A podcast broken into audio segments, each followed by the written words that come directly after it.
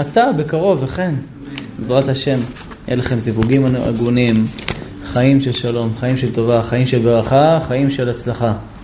זכות התורה תגן בעדנו, בעד כל עם ישראל, שיזכו לחזור בתשובה שלמה. זה מה שהקדוש ברוך הוא מחפש, זה מה שהקדוש ברוך הוא רוצה. אין לו שום דבר, אלא מלבד תשובה. כל העולם הזה נברא באות אה. פתח למטה, פתח למעלה. כמו שבאדם נפל, כוחו יכול לעלות. מה צריך לדעת? למי הוא חטא, מה החטא, כמה עומק החטא. כשאדם יודע את כל הדברים האלו, אז הוא חוזר בתשובה. אני אמרתי לכם שבעזרת השם אנחנו נדבר על כל המטורללים האלה שהורסים את עם ישראל.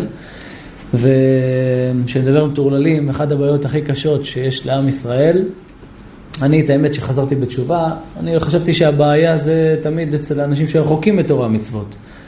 כל הבעיה בדעת וכל הבעיות שיש לעם ישראל, מחלות, ייסורים. אתם יודעים, דרך אגב, שבתי חולים של שניידר ומקומות כאלה, רוב האנשים שם לצערנו דתיים. הרבה מחלות, זה דברים, הרבה לדתיים. וגם הרב ניסים יגן, עליו השלום, היה צועק את זה הרבה. יש לו מאמר גם בספר נתיבי אור, שכתוב את זה בנביא, ותופסי התורה לא ידעוני. והפלא הגדול, שמה שאני רואה בזמן האחרון, בפוסקים, מה שאני רואה גם ברמב"ם, יש משנה, יש משנה בסנהדרין, פרק י', כל ישראל יש להם חלק לעולם הבא.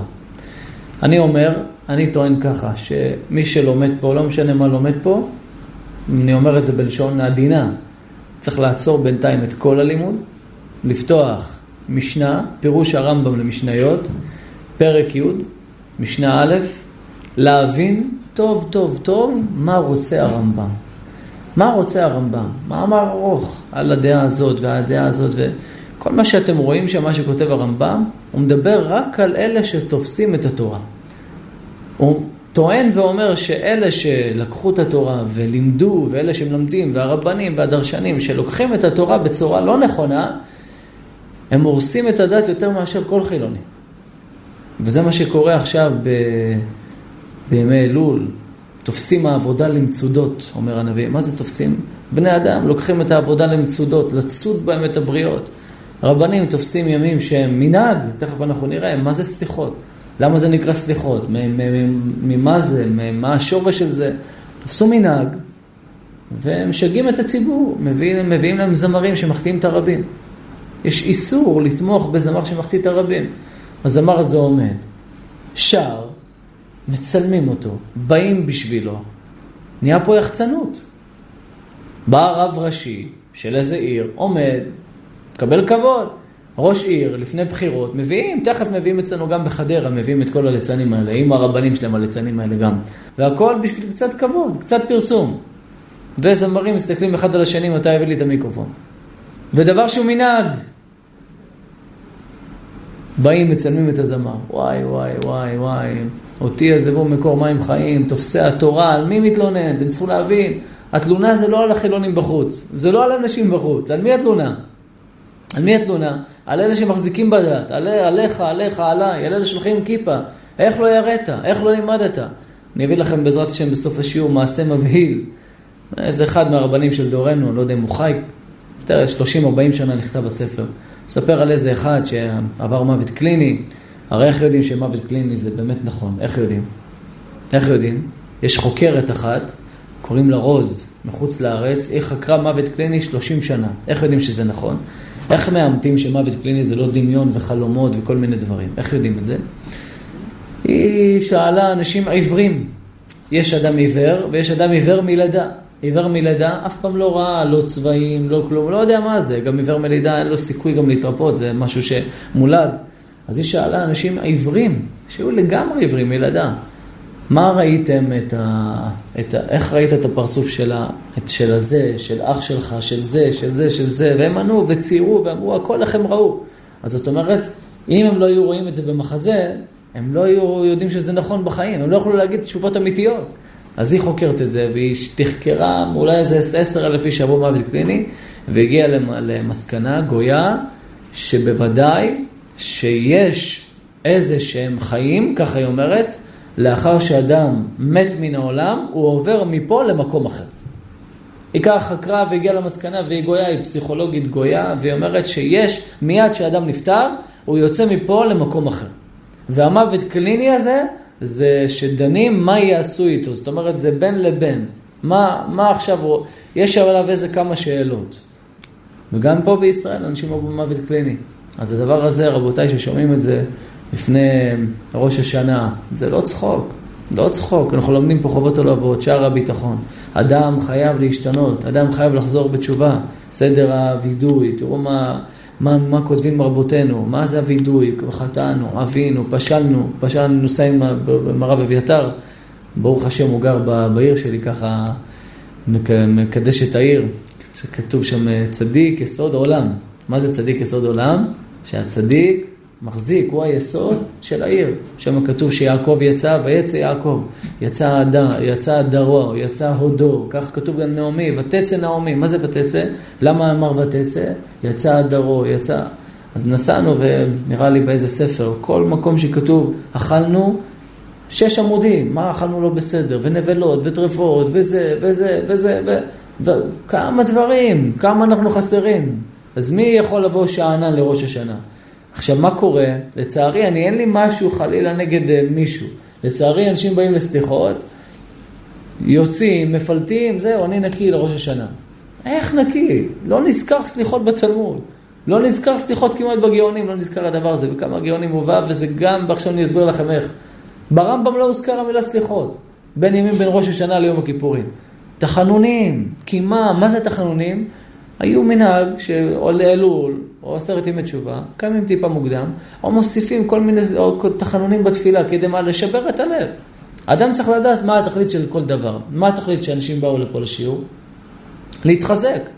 אלה הרבנים האלה שעושים צחוקים, רבנים רפורמים, זה רפורמים, זה, זה, לא, זה לא מעם ישראל, זה, זה בכלל, אין מה, מה לדון בזה. אין לא, הוא מנסה לקרב ככה, אין, מה, הוא נוצרי. מה זה מנסה? הנוצרים מנסים לקרב בדרך אהבה. אין זה לקרב, אלה נביאי הבעל, זה אסור לשמוע אותם. חייב להזהיר מפניהם, וכל מי שלא מזהיר מפניהם, הרי הוא רושע כמוהם. חייב, בגלל זה אני מדבר על זה בהרצאות. לא כי אני מחפש לעצמי לצבור אויבים, כי חייב להזהיר מפניהם. וגם כשאנשים בורחים מזה, לא מעניין אותי. מי שישמע, ישמע חכם, יוסף לקח. מי שחכם שומע את הדברים האלה, מתרחק. פותח יותר תורה בבית, פותח יותר ספרים, אישה שומעת את הדברים האלה, פותחת חוקי נשים, מתחכמת, מבינה, לומדת הלכות, לומדת שולחן ערוך, עוברים על דברים, משתנים, אנשים רואים תוצאות. אם אנשים לא ייקחו את הדברים האלו לחיים שלהם, לא שווה כלום. אז באדם שבא לשיעור תורה, כבר שמנו פה בן אדם, הבאנו אותו לבית הכנסת, מה הוא צריך לשמוע? מה שהשם יתברך רוצה. מה הוא רוצה? תשובה. מה זה תשובה? תשוב השם, תשוב אליו יתברך. עשינו הכל, לא קיימנו את התשובה, לא עשינו כלום, שום דבר. באנו לסליחות, צעקנו, קירו לבבכם ועל בגדיכם. מה עשיתם? צריכים לקרוא את הלב, לשבור את הלב, לבכות, להבין, לקום בבוקר. למה צריך לקום בבוקר מוקדם לפני כולם? מה? זה שעה שאין לך אף אחד, בפרט היום. היום אתה כל הזמן יש לך אור, כל הזמן יש לך מה לעשות, יש לך טלפון, מתקשרים אליך בשתיים בלילה, שלוש בלילה, כל הזמן אתה עסוק. זאת אומרת, אין לך רגע אחד להתבודד עם הקדוש ברוך הוא ולשים מה לא בסדר איתך. אז מנהג טוב באמת בראש חודש, באלול ובעשרת ימי תשובה, מי שיכול לקום בשעה שלוש, שלוש וחצי, אפילו לחזור לישון, תקום שלוש וחצי, עושה ברכות השחר, ברכות התורה, תדליק נר נשמה, לעילוי נשמת אה, רבי ישראל, סידנה בבא סאלי, זכותו תגן עלינו, אמן, שמעתי דבר מזעזע, אני יש לי עד הבבא סאלי, לא יודע מה, עד, עד רבי ישראל אבוחצירא, ושמעתי, אומר וואי וואי וואי, עומד מול איזה אחד שמחטיא את הרבים, והוא מראיין אותו, 25 דקות, 26 דקות. ההוא מראיין אותו. עכשיו, אלה שמראיינים, עוד פעם, הם לא אשמים. הם רוצים לדעת מה דעת הרב. והוא מראיין אותו, שואל אותו שאלות. ואז הוא אומר לו, הגיעו איזה דין ודברים. אז הוא אומר לו, אתה יודע, יש אדם שיש לו ברים. מה זה בר? מה זה בר? בר זה מקום שמביא גברים ונשים, וזה לפעמים זה גם דנסים וריקודים, וזה מקום של החטאת הרבים. יושבים לשתות, ו- וזה שכרות, וגמרא אומרת, כוס אחת יפה לה, וזה רק אם אשתי עם בעלה, כוס אחת יפה לה. בחוץ אסור לשתות. כוס אחת יפה לה, שנייה וכולי. אז הוא אומר, הוא אומר במילים האלה, רבנים שהיו אנשי אמת נהיו קליפות. אין גרנטי לאף אחד. מה, זמרי בן סלו היה האיש הכי גדול, מזדכה הרבים הכי גדול בארץ. מתי שנופלים, נופלים עד למטה. טוב, שלא נהיה מאלה. אז הוא אומר לו, יש, שיש בן אדם, ההוא רוצה תשובות. ההוא, פעם אחת שאלו גם את אחד המרצים פה בארץ, שאלו אותו, רבנו, באמצע הישיבה, תדבר איתנו קצת על נידה, דברים של נידה. בבקשה, הרב ידבר איתנו, קצת דברים של נידה, קשה לנו בזה. ואז הוא יושב מול איזה אחד שמחטיא את הרבים, זה בכלל מחטיא את הרבים, עושה בלאגן בכל עם ישראל. אז הוא, במקום להגיד לו, תשמע, מי שנוגע בנידה זה כרת, מי שנוגע בבת אל נכר זה כרת, מי שנוגע בזה זה בעיה. אז הוא אמר לו, תשמע, אתה יודע, זה כמו מסטיק וסטייק וזה, ובמקום לומר את האמת, מחניף! מחניף בתורת השם, אתה יודע מה זה? זה זריקת התורה, זה לקחת את הספר תורה, לשים אותו בפח בשביל זמרים, בשביל בני אדם, זה עבודת אלילים לכל דבר. אז שאלו את הרב הזה, ואז הוא אומר, אחד שיש לו מועדונים, ויש לו ברים, ויש לו זה, ויש לו זה, אם הוא רק יעשה נטילת ידיים, הקדוש ברוך הוא שמח בו יותר מהבבא סאלי. הקדוש ברוך הוא יש לו נחת רוח באדם שעושה נטילת ידיים, שמדין הש"ס ומדין התלמוד אין צורך ליטול את ידיו רק מהברז, כדי לנקות את ידיו משום ידיים נקיות ולא משום טומאה. בשבת ק"ז יש קצת רמז על זה, רש"י הביא במקום קצת רמז על זה, וזה גם בדרך העצה בעלמא, ולא בתור חובה. הוא אומר על אחד כזה שיש לו מועדונים וברים ומחלל שבת בפרהסיה, שהרמב"ם כותב בהלכות תשובה שמי שמחלל שבת בפרהסיה הרי הרים יד בתורת משה וכפר במעשה בראשית. הוא אומר החנפן הזה הוא יותר טוב והוא עושה נחת רוח יותר מהבבא סאלי. שבבא סאלי היה מתענה עליו השלום סידנה, מי בכלל הפרה לפומיה להזכיר את השם שלו, תזכיר את השם שלו בחיים שלך. הבבא סאלי היה מתענה משבת לשבת. שהקדוש ברוך הוא רצה לברוא אדם, הוא רצה לברוא אנשים כמו רבי ישראל אבוחצירא, עליו השלום. זה מה שהוא תכנן, שיהיו אנשים כמו הבבא סאלי. ויבוא אחד שם בשביל להחניף לאחד שמחטיא את הרבים בעצמו, ולהחניף לאנשים ברעיון שכולם ישמעו אותו, מה אומר? אחד כזה יותר טוב מהבבא סאלי. אם אני חילוני ויש לי ברים ומועדונים, אני פותח עוד שתיים, מוסיף עוד נטלות בארץ ופותח עוד שני מועדונים.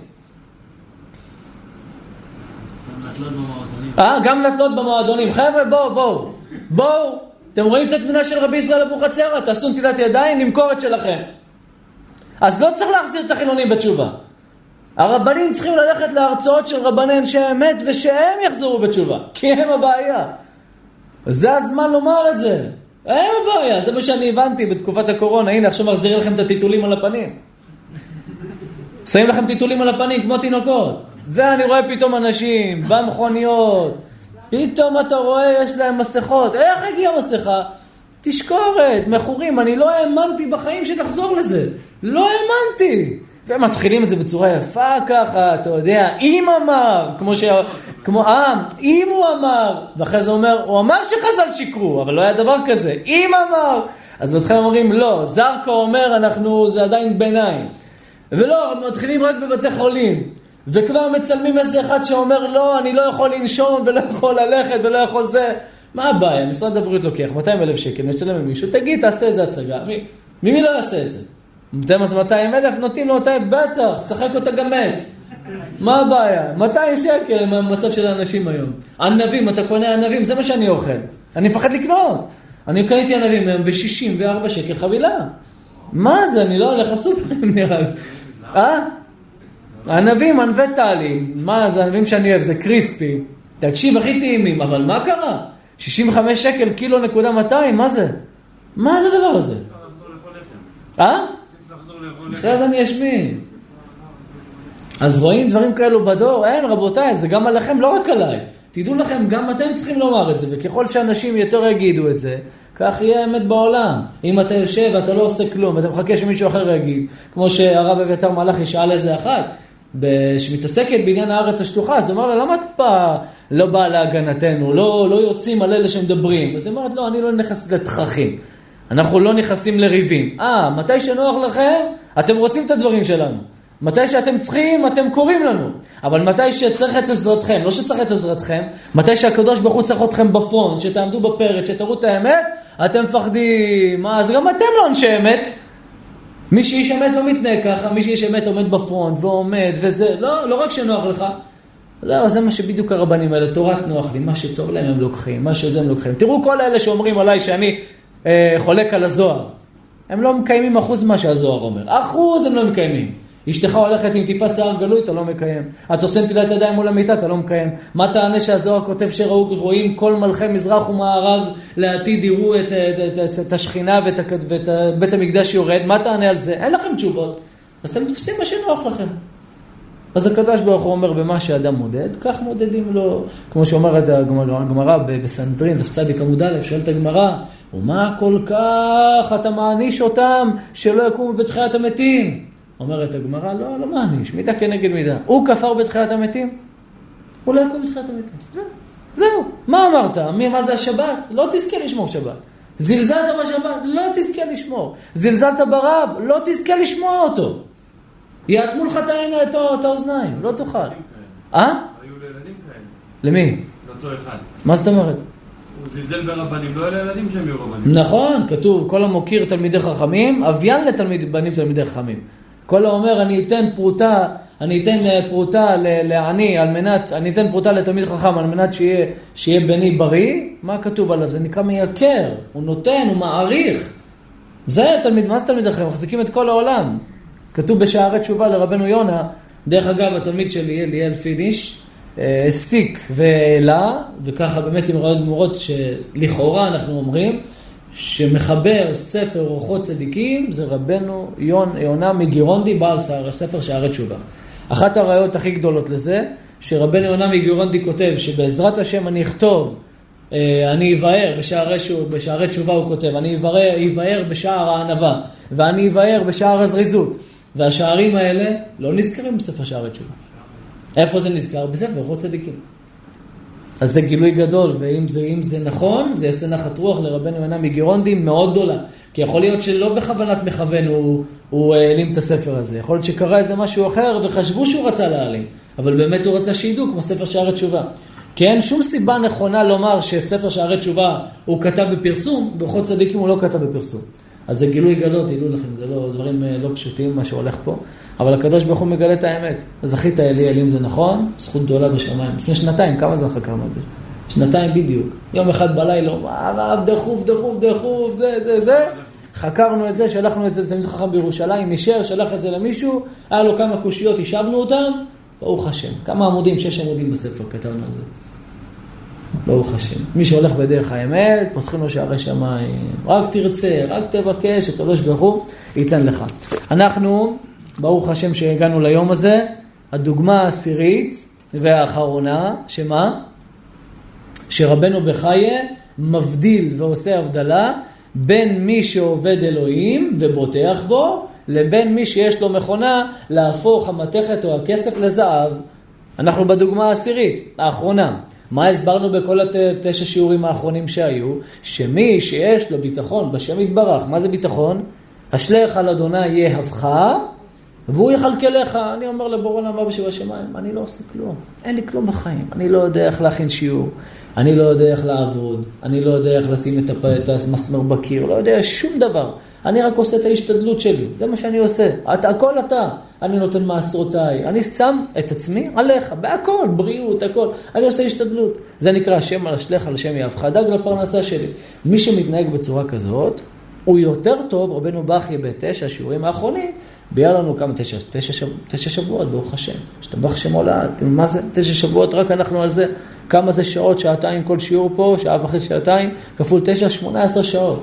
רק כמה פסקאות ברבנו בחי. היום אנחנו שיעור 21, השתבח שמו של מלך מלכי המלכים. תן לנו כוח, תן לנו כוח לעשות חי. מישהו ראה אותי בחדרה, לא הכר, לא, לא מכיר אותו, אמר לי, הרב חן, תהיה חזק. אתה הולך בדרך האמת, תהיה חזק, תהיה, אל תוותר להם, אל תוותר, ככה אמר לי. לא ידעתי מי הוא, השתבח שמו לעד. הקדוש ברוך הוא שולח שליחים, ואנשים שומעים, ורואים, ובן אדם רואה את האמת. לא, החללית של הודו, מה זה זה? מה זה זה? מה זה, מה זה, מה זה מריו? מה, זה הדברים האלה? מה זה השטויות האלה? מה זה הצלופן הזה? מה זה כאילו עושים איזה מתנה? זה נחת על הירח. הרי בגובה של עשר קילומטר, כמה מינוס יש? מטוס נוסעים. 747, מה המינוס יש שם? מינוס 60 מעלות. זה יגיע לגובה כזה, שזה, של 170 אלף קילומטר, מחרטטים אתכם. הירח בסך הכל 2,800 קילומטר מפה. 2,800 זה המספר, תזכרו את זה, 2,800. זהו, לא יותר. 2,800 מיל, כך כתוב בשמואל. 2,800 מיל זה 2,800 קילומטר, לא מיל ימי, יש הבדל בין מיל רגיל למיל ימי. מיל של התורה, לפי הגרח נאה, 996 מטר. 996 מטר. אז יוצא שזה 2,800 קילומטר, לא יותר. אתם מבינים, מחרטטים, ואנשים כבר יודעים את האמת, רואים. מה הפלא הכי גדול? ממש שמחתי לראות את זה, אתם לא תאמינו. מישהו שלח לי, היה כתבה בוויינט, שהודו נחתו על הירח. היה שם בוויינט, יודעים מה זה וויינט? אה? ידיעות אחרונות, לא ידיעות, אידיוט. ידיעות אחרונות. ידיעות אחרונות. 240 תגובות, הרב אביתר, השם ישמור אותך. 240 תגובות, מה כולם כותבים? חרטא, הארץ היא שטוחה, מעולם נחתו על הירח. ידיעות אחרונות? אם הגענו לשם, אם אנשים מבינים, זהו, פשוט, עם ישראל מתעורר, מבינים את השקר. עכשיו מה, אנשים אומרים, מה, מה אתה מדבר על זה? נכנסתי, מה מישהו עשה לי פדיחות, אבל ברוך השם, כל ביזיון. אתמול, אתמול זה היה, נכנסתי לקנות. כמה דברים לבית, ירקות. ויש שם איזה בחור שעובד שם. בא ואומר לי, ליד כולם בירקות. תפסיק לדבר על הארץ השטוחה, למה אתה סוטה מהמסלול? למה אתה זה ולמה אתה זה? ככה ביזה אותי ליד כולם. טוב, מה, מה זה יעזור לי בחיים? מה זה זה ומה זה... והוא דתי כביכול. מה זה זה ומה זה זה ומה זה זה. נתתי לו להוציא, אמרתי לו, יאללה. ואז אמרתי לו, אתה והרב שלך המחטיא הרבים הזה, תמסור לו ממני, שדיבר עליי שרה, אתה והרב שלך המחטיא, טוב, לא, אבל ככה אני מדבר. טוב. ואז אמרתי לו, לך שאלה. מתי נחתו לה על הירח לפי שיטתך? הוא לא יודע אפילו. מתי נחתו לפי, שיט... לפי שיטת הכופרים? אה? 1968. אז אומת כביכול העולם שהארץ היא תפוח. מישהו יודע מה קרה אז בעולם החרדי? מה עשו על זה? ניסים ונפלאות, טררם, וואי, כמה תשובות נכתבו. וכמה ראיות אמרו שהנה, שהתורה היא אמת, ודיברו על זה בלי סוף, תלכו באוצר חוכמה, תראו כמה דיברו. אז קודם כל מי שאומר עליי למה אני מגלה את חשיפת האמת ואני מראה את השקר, קודם כל תשאלו אותם, למה במשך שנים על גבי שנים נכתבו ספרים, ורבנים כותבים ספרים, ו- ויש אחד שיצא עליי ברדיו, מה שם, אני לא יודע מה, יצא עליי ברדיו, הזה דיבר עליי, התחיל לצחוק, ולמה? אני לא ידעתי למה הוא עשה מזה צחוק. הלכתי לבני ברק, הבאתי ספרים לארגון, אז ראיתי שהוא הוציא ספר על צורת העולם. בגלל זה הוא לא יכול שמישהו מנגד, אורז לו את הספר. הוציא ספר על צורת העולם, אז הוא עשה צחוק מהדברים שלי, והביא עבודה זרה בכלל בירושלמי והוא לא ידע להסביר אותו שם, וצחק, לא מצא על מי לצחוק. עכשיו אתה מבין למה. עכשיו נשאל את השאלה, אם אתה אומר לא להתעסק בזה, למה אתה מתעסק בזה? למה אתם כותבים ספרים? למה עשיתם סרטונים על זה בכל אה, המפצים שלכם, מדע? ויש אחד כתב שמונה, תשע ספרים אה, מהספרים המתהפכים. יש מישהו בפתח תקווה שהתחיל לשמוע לי, לקח את כל הספרים שלו, לאיפה שם אותם? לא בגניזה, שם אותם בפח. כל השבע סדרת ספרים. אמר לי הרב חן, זה הולך לפח. הבנתי, פשוט, מה זה כל המחבטות האלה שבתמונות? מה זה כל הדברים האלו? הבנתי.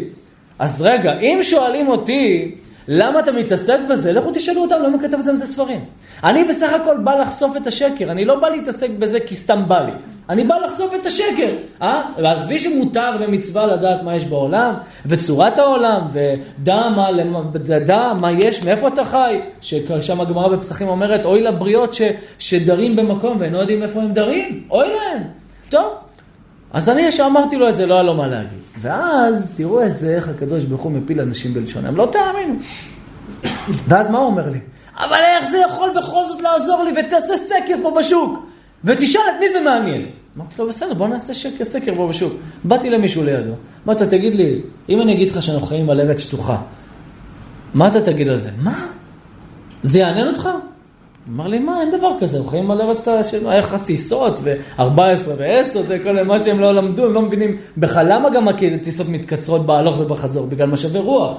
גם לפי המודל האלילי, לא, גם הם מודים שזה לא בגלל סיבוב התפוח, במודל האלילי.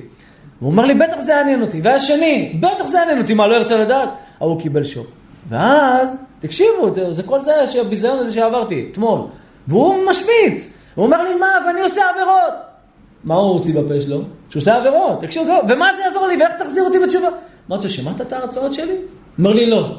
אמרתי לו, שעתיים הרצאה, כולה מדברת בעבודת השם. עשר דקות אני מביא את חשיפת השקר. אתה לא מתבייש לומר שאני מדבר רק על זה? אתה כנראה שמעת ממישהו שהעלה אותך, ואז הוא אומר לי, אבל איך זה יעזור? ואני עושה עבירות, ואפילו אני עם אשת איש. ויצא למילה אשת איש, והוא לא שם לב. ואני בועל נשים אסורות, הוא אומר, וכולם שומעים. אמרתי לו, מה? אתה בועל נשים אסורות, אתה אדם דתי. לא, לא מה להגיד. אמרתי לו, תמשיך, תמשיך. והלכתי. אמרתי, איתך אני לא מדבר. חרבם תבוא בליבם. איך הוא פלט לי את זה? לא, לא אמר את זה במילים שלכם. במילים שאמרתי, אמר את זה במילים יותר חריפות. יותר בוטות. כאילו, רצה להגיד לי, אני עם נשים, איך זה יעזור לצורת העולם? אה? איך השם הפיל אותם? וואי, הייתי בן זועזע, אמרתי לאמש. אה, כן, כן, כן. הייתי המום, אמרתי לאשתי, זה? אלה לא בועלי נידות, בועלי אשת איש עם כיפה. הוא בא להוכיח אותי שאני מגלה לאנשים את האמת. וזה בכלל הולך עם אישה נשואה. זה מה זה אישה נשואה? לקח את האישה של מישהו. הרב עובדיה יוסף בחזון עובדיה ימים נוראים כותב שאין מחילה על זה. אתה יכול לעשות מיליון ימי כיפור. אם היית עם אישה נשואה, אתה צריך ללכת לבקש סליחה מבעלה. אם לא, אין לך מחילה. מיליון ימי כיפור תעשה. תן צדקות, מיליון. לא תוכל. לקחת אישה של בן אדם. היית עם אישה שאתה יודע מה הדין של זה? אתה יודע מה יקרה לך? מרורים תאכל. סרטן יהיה לך בכל הגוף. זה אין אה, משחקים פה. אין, לא יעזור לו תשובה. הוא צריך ללכת ולבקש מחילה, באומץ מבעלה. לא, אין, נגמר הדין שלו. אין לו כניסה לחיי העולם הבא. שום דבר. לא אני אומר את זה, גדולים ממני אמרו. למה? כי בלהיות עם אישה נשואה, הבעיה פה זה שהיא שייכת לבעלה. והוא גזר אותה מבעלה, והוא אסר אותה על בעלה, ויש פה צער של משפחות. תבינו, בחוץ לארץ, אחת לחמישים שנה אולי היו גירושין. לא ידעו מה זה גירושין, אני מדבר איתכם אחת לחמישים. פה בארץ ישראל הקטנטונת, ארצנו הקטנטונת של משרד החינוך, כמה מתגרשים? 14 אלף איש בישראל. איזה משרד חינוך מוצלח שמתגרשים ב-14 אלף איש? אה? שיסביר לי ביבאי, ביבאי יהוד בכנסת, שיסביר לי. עם כל הנאומים שלו היפים וכל הזה, שיסביר לי איך הם מצליחים לנהל מדינה שיש בה 14 אלף גירושין, אלא אם כן יש פה יד מכוונת לגרש פה אנשים. שאנשים ילכו למועדונים ויגדלו סוטים בראש, הלאה, שיסבירו לי את זה. יש פה יד מכוונת שיהיה פה רע ליושבים. הנה, דיברתי על ה... לפני כמה שיעורים דיברתי על זה שאומרים שאין מקום בעולם. אז הוציאו איזה סרטון, חן, אתה שלחת לי, לא? ביקשתי שיפרסמו אותו. הוציאו איזה סרטון שאחת חוקרת ש... מה זה אין מקום? כל התשע מיליארד איש זה אחוז ממה שיש מקום בעולם. שתי אחוז גג. אפשר לתת לכל אחד פה, בכל העולם כולו, אלפיים מטר מרובע, רק לגדל חקלאות, לעשות מה שאתם רוצים ויהיה לכל אחד מקום. הכל חרטוטים, אין מקום, אין זה, זה הכל חרטוט. וכשאתה מדבר עכשיו, אתה מדבר עם הורים. אפילו אבא שלי, אבא שלי אדם שיש לו שלושה, דוקטורט. אבא, הוא גם אומר לך, תשמע, אין מקום. אבל אבא, בוא נעשה חישובים, בארץ ישראל כמה. אז פותח את ידיך ומצביע לכל חיי רצון. אין מה להגיד. רק פה בארץ כל אחד יכול להיות לו וילה עם שתי דונם לפחות. זה מה שעשו חשבון. כל אחד ולא יתפוס מקום. בחיים טובים, אבל מה רוצים? מה רוצים? מה גוליית רצה? מה גוליית רצה? גוליית רצה מה לעשות?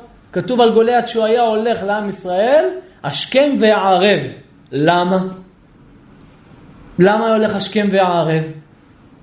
מה היה רוצה לבטל אותם, אומרת הגמרא? מקריאת שמע. שחרית וערבית. הוא הבין את הסוד. אם תבטל את עם ישראל מתורה, אתה יכול לעשות להם מה שאתה רוצה. זה מה שהוא בא, השכם והערב בלבל אותם, תכף אנחנו ניגע בזה, חירף אותם, למה? יש פה יד מכוונת שאנשים יהיו משועבדים. תהיה משועבד לדירה, תהיה משועבד לריבית, תהיה משועבד לזה, יש פה יד מכוונת. ואם אנחנו לא נתעורר, אם אנחנו לא נעורר אחרים, אז כולם יסבלו מזה. גם הילדים שלכם, גם הילדים שלי.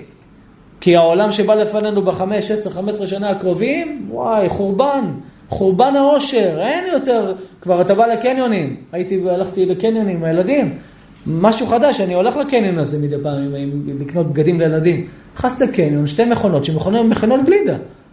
הילדה שלי מתלהבת, אבא תראה זה, מה, למה את מתלהבת? זה טיפשות. את רוצה שרובוט יכין לך? אני צריך בני אדם, אני לא צריך רובוטים. אבל מתלהבים, רובוט מכין לך גלידה, אחי. אומר לך שלום, מה נשמע, מה אתה רוצה לאכול? זה העולם הבא. עוד חמש, עשר שנים, יבואו אנשים פה רובוטים לשיעור.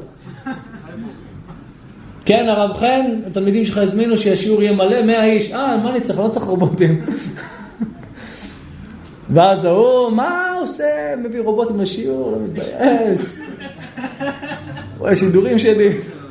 אה, רואה שידורים שלי. מה, החליט להביא אנשים? רגע, הרב, שאלה, האם בסוף יש אחד בארץ, זה נקרא, זה נקרא זקן ממרא. כתוב, כת- לאלה שסוברים שיש גלגול, תכף אנחנו ניגע בזה, יש מחלוקת, האם אדם יכול להתגלגל, זאת אומרת אדם נפטר מן העולם ויכול להתגלגל או לא. יש מי שסובר שנשמות גבוהות מתגלגלות בעץ. אז יש כמה חבר'ה בארץ שהם רבנים, אם הם הולכים לקברי צדיקים ויש שם עצים, אז אם הם תשע, הם מצרפים את העץ למניין. אתם צוחקים, אתם צוחקים, אני חורה לי על זה מאוד. הוא אומר, אם זה עץ זית, בפרט, יש שם נשמה גבוהה. אז אתם צוחקים, מעשים בכל יום. תשע איש, הוא מצרף את העץ למניין. תראו איזה שיבוש. בספר צפנת פענח, עמוד קמ"א מביא שמדבר לגבי כל תורת הגלגולים.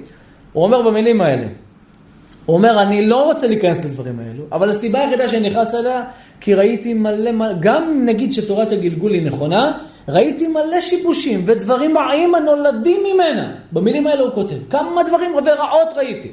והוא אומר, אם לא דעת הרמב"ן, הייתי נוקט כמו מי שאני הולך להגיד לכם עכשיו. אם לא, אם לא מסתפין מדעת הרמב"ם, אני לא מפחד מדעת הרמב"ן, הייתי נוקט כמו הבן שלו, של הרמב"ם. כמו הבן של רבי אברהם בן הרמב"ם. כך הוא כותב מפורש, רבי אברהם בן הרמב"ם. בכל אופן, תראו איזה שיבושים, תראו איזה דברים. ובמקום ב- ב- להיות באחדות כולנו, והרבנים, ואנשים שתופסים את הדעת, אנשים שדורשים, להיות באחדות, כי הכוח נמצא איפה, כמו שהרב אביתר מלאכי אמר לי בנסיעה, האדמו"ר ממונקאץ' אומר, שכתוב שבכל דור ודור עומדים עלינו לכלותנו. אומר האדמו"ר ממונקאץ', שהוא היה נגד הציונות, הוא אומר, מה זה עומדים עלינו לכלותנו? מה זה עומדים? עומדים מלשון מה? עמודים. מי אלה העמודים שבדור? הרבנים. מי עומד לכלותנו? אלה תופסי הדת. אלה שיגידו לך, זה הגדול הדור הזה יגיד, מקבל שיתוק ניקח. אללה שקרן, אם היית יודע שהיית מקבל שיתוק ודאי לא היית לוקח. שקרנים. אלה, העמודים. אלה שעכשיו עם עמודים, אומרים לך, לך תזריק. חומר שאין עליו אסמכתה, אין עליו שום בדיקות. לך תיקח. למה? כסף. עובדים את הכסף, לא עובדים את השם יתברך. אני רוצה את השם יתברך. אני רוצה את הקדוש ברוך הוא, זה מה שאני רוצה, זה מה שאני בא ללמד אתכם, לרצות השם יתברך. צריך כסף, צריך פרנסה, צריך ממון, צריך הכל. אבל צריך קודם כל את השם יתברך. היה איזה אחד שהיה עובד באיזה עבודה, עלה מחוץ לארץ, בא לפה לארץ ישראל, עבד באיזה עבודה, מספר באיזה ספר, ועבד באיזה עבודה שיכול להתפלל כמו בן אדם, והיה מבוגר, בן 64, 63, גיל פנסיה, ועדיין המשיך לעבוד. כדי לפרנס את הבית. והגיעה לו הצעה שהוא חייב להתחיל לעבוד שעה לפני. והוא היה צריך להתפלל מניין פועלים. הוא אמר לו, אין השתדלות לעבור עבירות. אני לא אעשה את זה. אני צריך להיות אדם שעובד את השם יתברך. עזב את העבודה עד סוף ימיו, למד בבית מדרש. עד גיל 80 למד בבית מדרש. התפרנס פחות, אבל לא זרק את הקדוש ברוך הוא. לא זורקים את השם יתברך, לא בשביל כסף, לא בשביל ממון, לא בשביל קהל, לא בשביל שום דבר. לא עוזבים את השם יתברך. מה, אני לא יכול לבוא לפה, לראשון לציון, לנתניה, למקומות שאני הולך, לדרוש דרשות שאתם טובים. כל מה שאתם עושים, תאמינו כמה אתם מחבובים. נטילת ידיים שאתם עושים, השם חולה עליכם. אוהב בת ישראל, את מעלה פוסט לטיק טוק? השם אוהב אותך יותר מהרבנית שרה. מה, אי אפשר להגיד את זה? אפשר לבוא לספר לכם סיפורים, דמיונות, חוטים אדומים, מה. כל הסגולות שאתם רוצים. יש סגולות שקיבצתי מ-20 מראה מקומות. 20, 400 סגולות, התלמידים יודעים, יש לי במחשב, 400 סגולות, דברים מהממים. מה אני צריך להגיד לכם את זה? מה לכם על הסגולות? מה לכם על הדברים האלו? מי צריך לעשות סגולות? הרב עובדיה יוסף, אלה אנשים שמתוקנים. כתוב שמי שעושה דברים האלו והוא לא ראוי, נזקים בילדים שלו. אתה מבקש להוריד שפע בשעה כזאת? אתה יודע איזה נזק יצא לך? אתה יודע איזה דברים חמורים? כשהרב פתיה רצה לתקן את נתן העזתי, הבן איש חי אמר לו, אל תתעסק איתו. אל תזהר להתעסק איתו. בן איש חי, שהיה צדיק גדול. ומה קרה לרבי יהודה פתיה בסופו של דבר? הוא כותב שם ומעיד בספר כל מספרות, ומה שקרה לי, מה שעשיתי, סבלתי שנה שלמה של ייסורים וסבל. הוא אומר, ולא עברתי שנה כזאת רעה מאודי. הוא אומר פעם אחת, סבא, אבא של, אב, הסבא או אבא של אשתו, ביקש על אחד הילדים, אה? חמור. חמו, חמו, אמרתי, אבא של אשתו, ביקש על אחד הילדים שנולדו לו, הוא בא אליו בחלום, אמר לו, תקרא לו על שמי, זה יעשה לי נחת רוח. ואז הוא קרא לו על שמו, מת הילד מן העולם. פעם שנייה הוא בא, אחרי עוד פעם שנולד ילד, אמר לו, לך, לך, אני לא קורא, אני לא מסכן את הילד, את החיים של הילדים שלי. זאת אומרת, גם לעשות דבר, לפעמים יש בזה נזקים שאתה, אל תעשו דברים שלא מבינים. טעמים, תהיה עם השם אלוקיך. הקדוש ברוך הוא רוצה תמימות. מה זה תמימות? אני לא יודע כלום. אני רוצה לחזור בתשובה. אני רוצה לחזור בתשובה. בהשם אלוקיך תדבק, ואותו תעבוד, אנחנו עובדים רק אותו. זה השיעורים האלה. שכשנצא מפה אחרי הדלת, נרצה להיות עובדי השם. נלך לפתוח בית יוסף, נלך לפתוח שולחן ערוך, נלך לפתוח רמב"ם, נדע את הרמב"ם בעל פה, נדע באלול, רמב"ם, כל הלכות תשובה, פרקים של הרמב"ם, חיבור התשובה למאירי, אורחות צדיקים, שערי תשובה. אנשים לא יודעים מה זה חיבור התשובה למאירי. יש ספר שנקרא חיבור התשובה למאירי. ספר שהוא כתב בבחרותו, בגיל 20, אולי בגיל 18 אפילו כתב, הוא כותב, ספר שכתבתי בבחרותי, איזה ספר, אתם לא יודעים, אתם לא תעזבו את הספר הזה. אתם לא תעזבו, יהיה לכם יסודות, איך אני מדבר איתכם את כל הדברים האלו? אה, אני, מאיפה זה נפל לי? לא, אף אחד לא זרק לי את זה משמיים.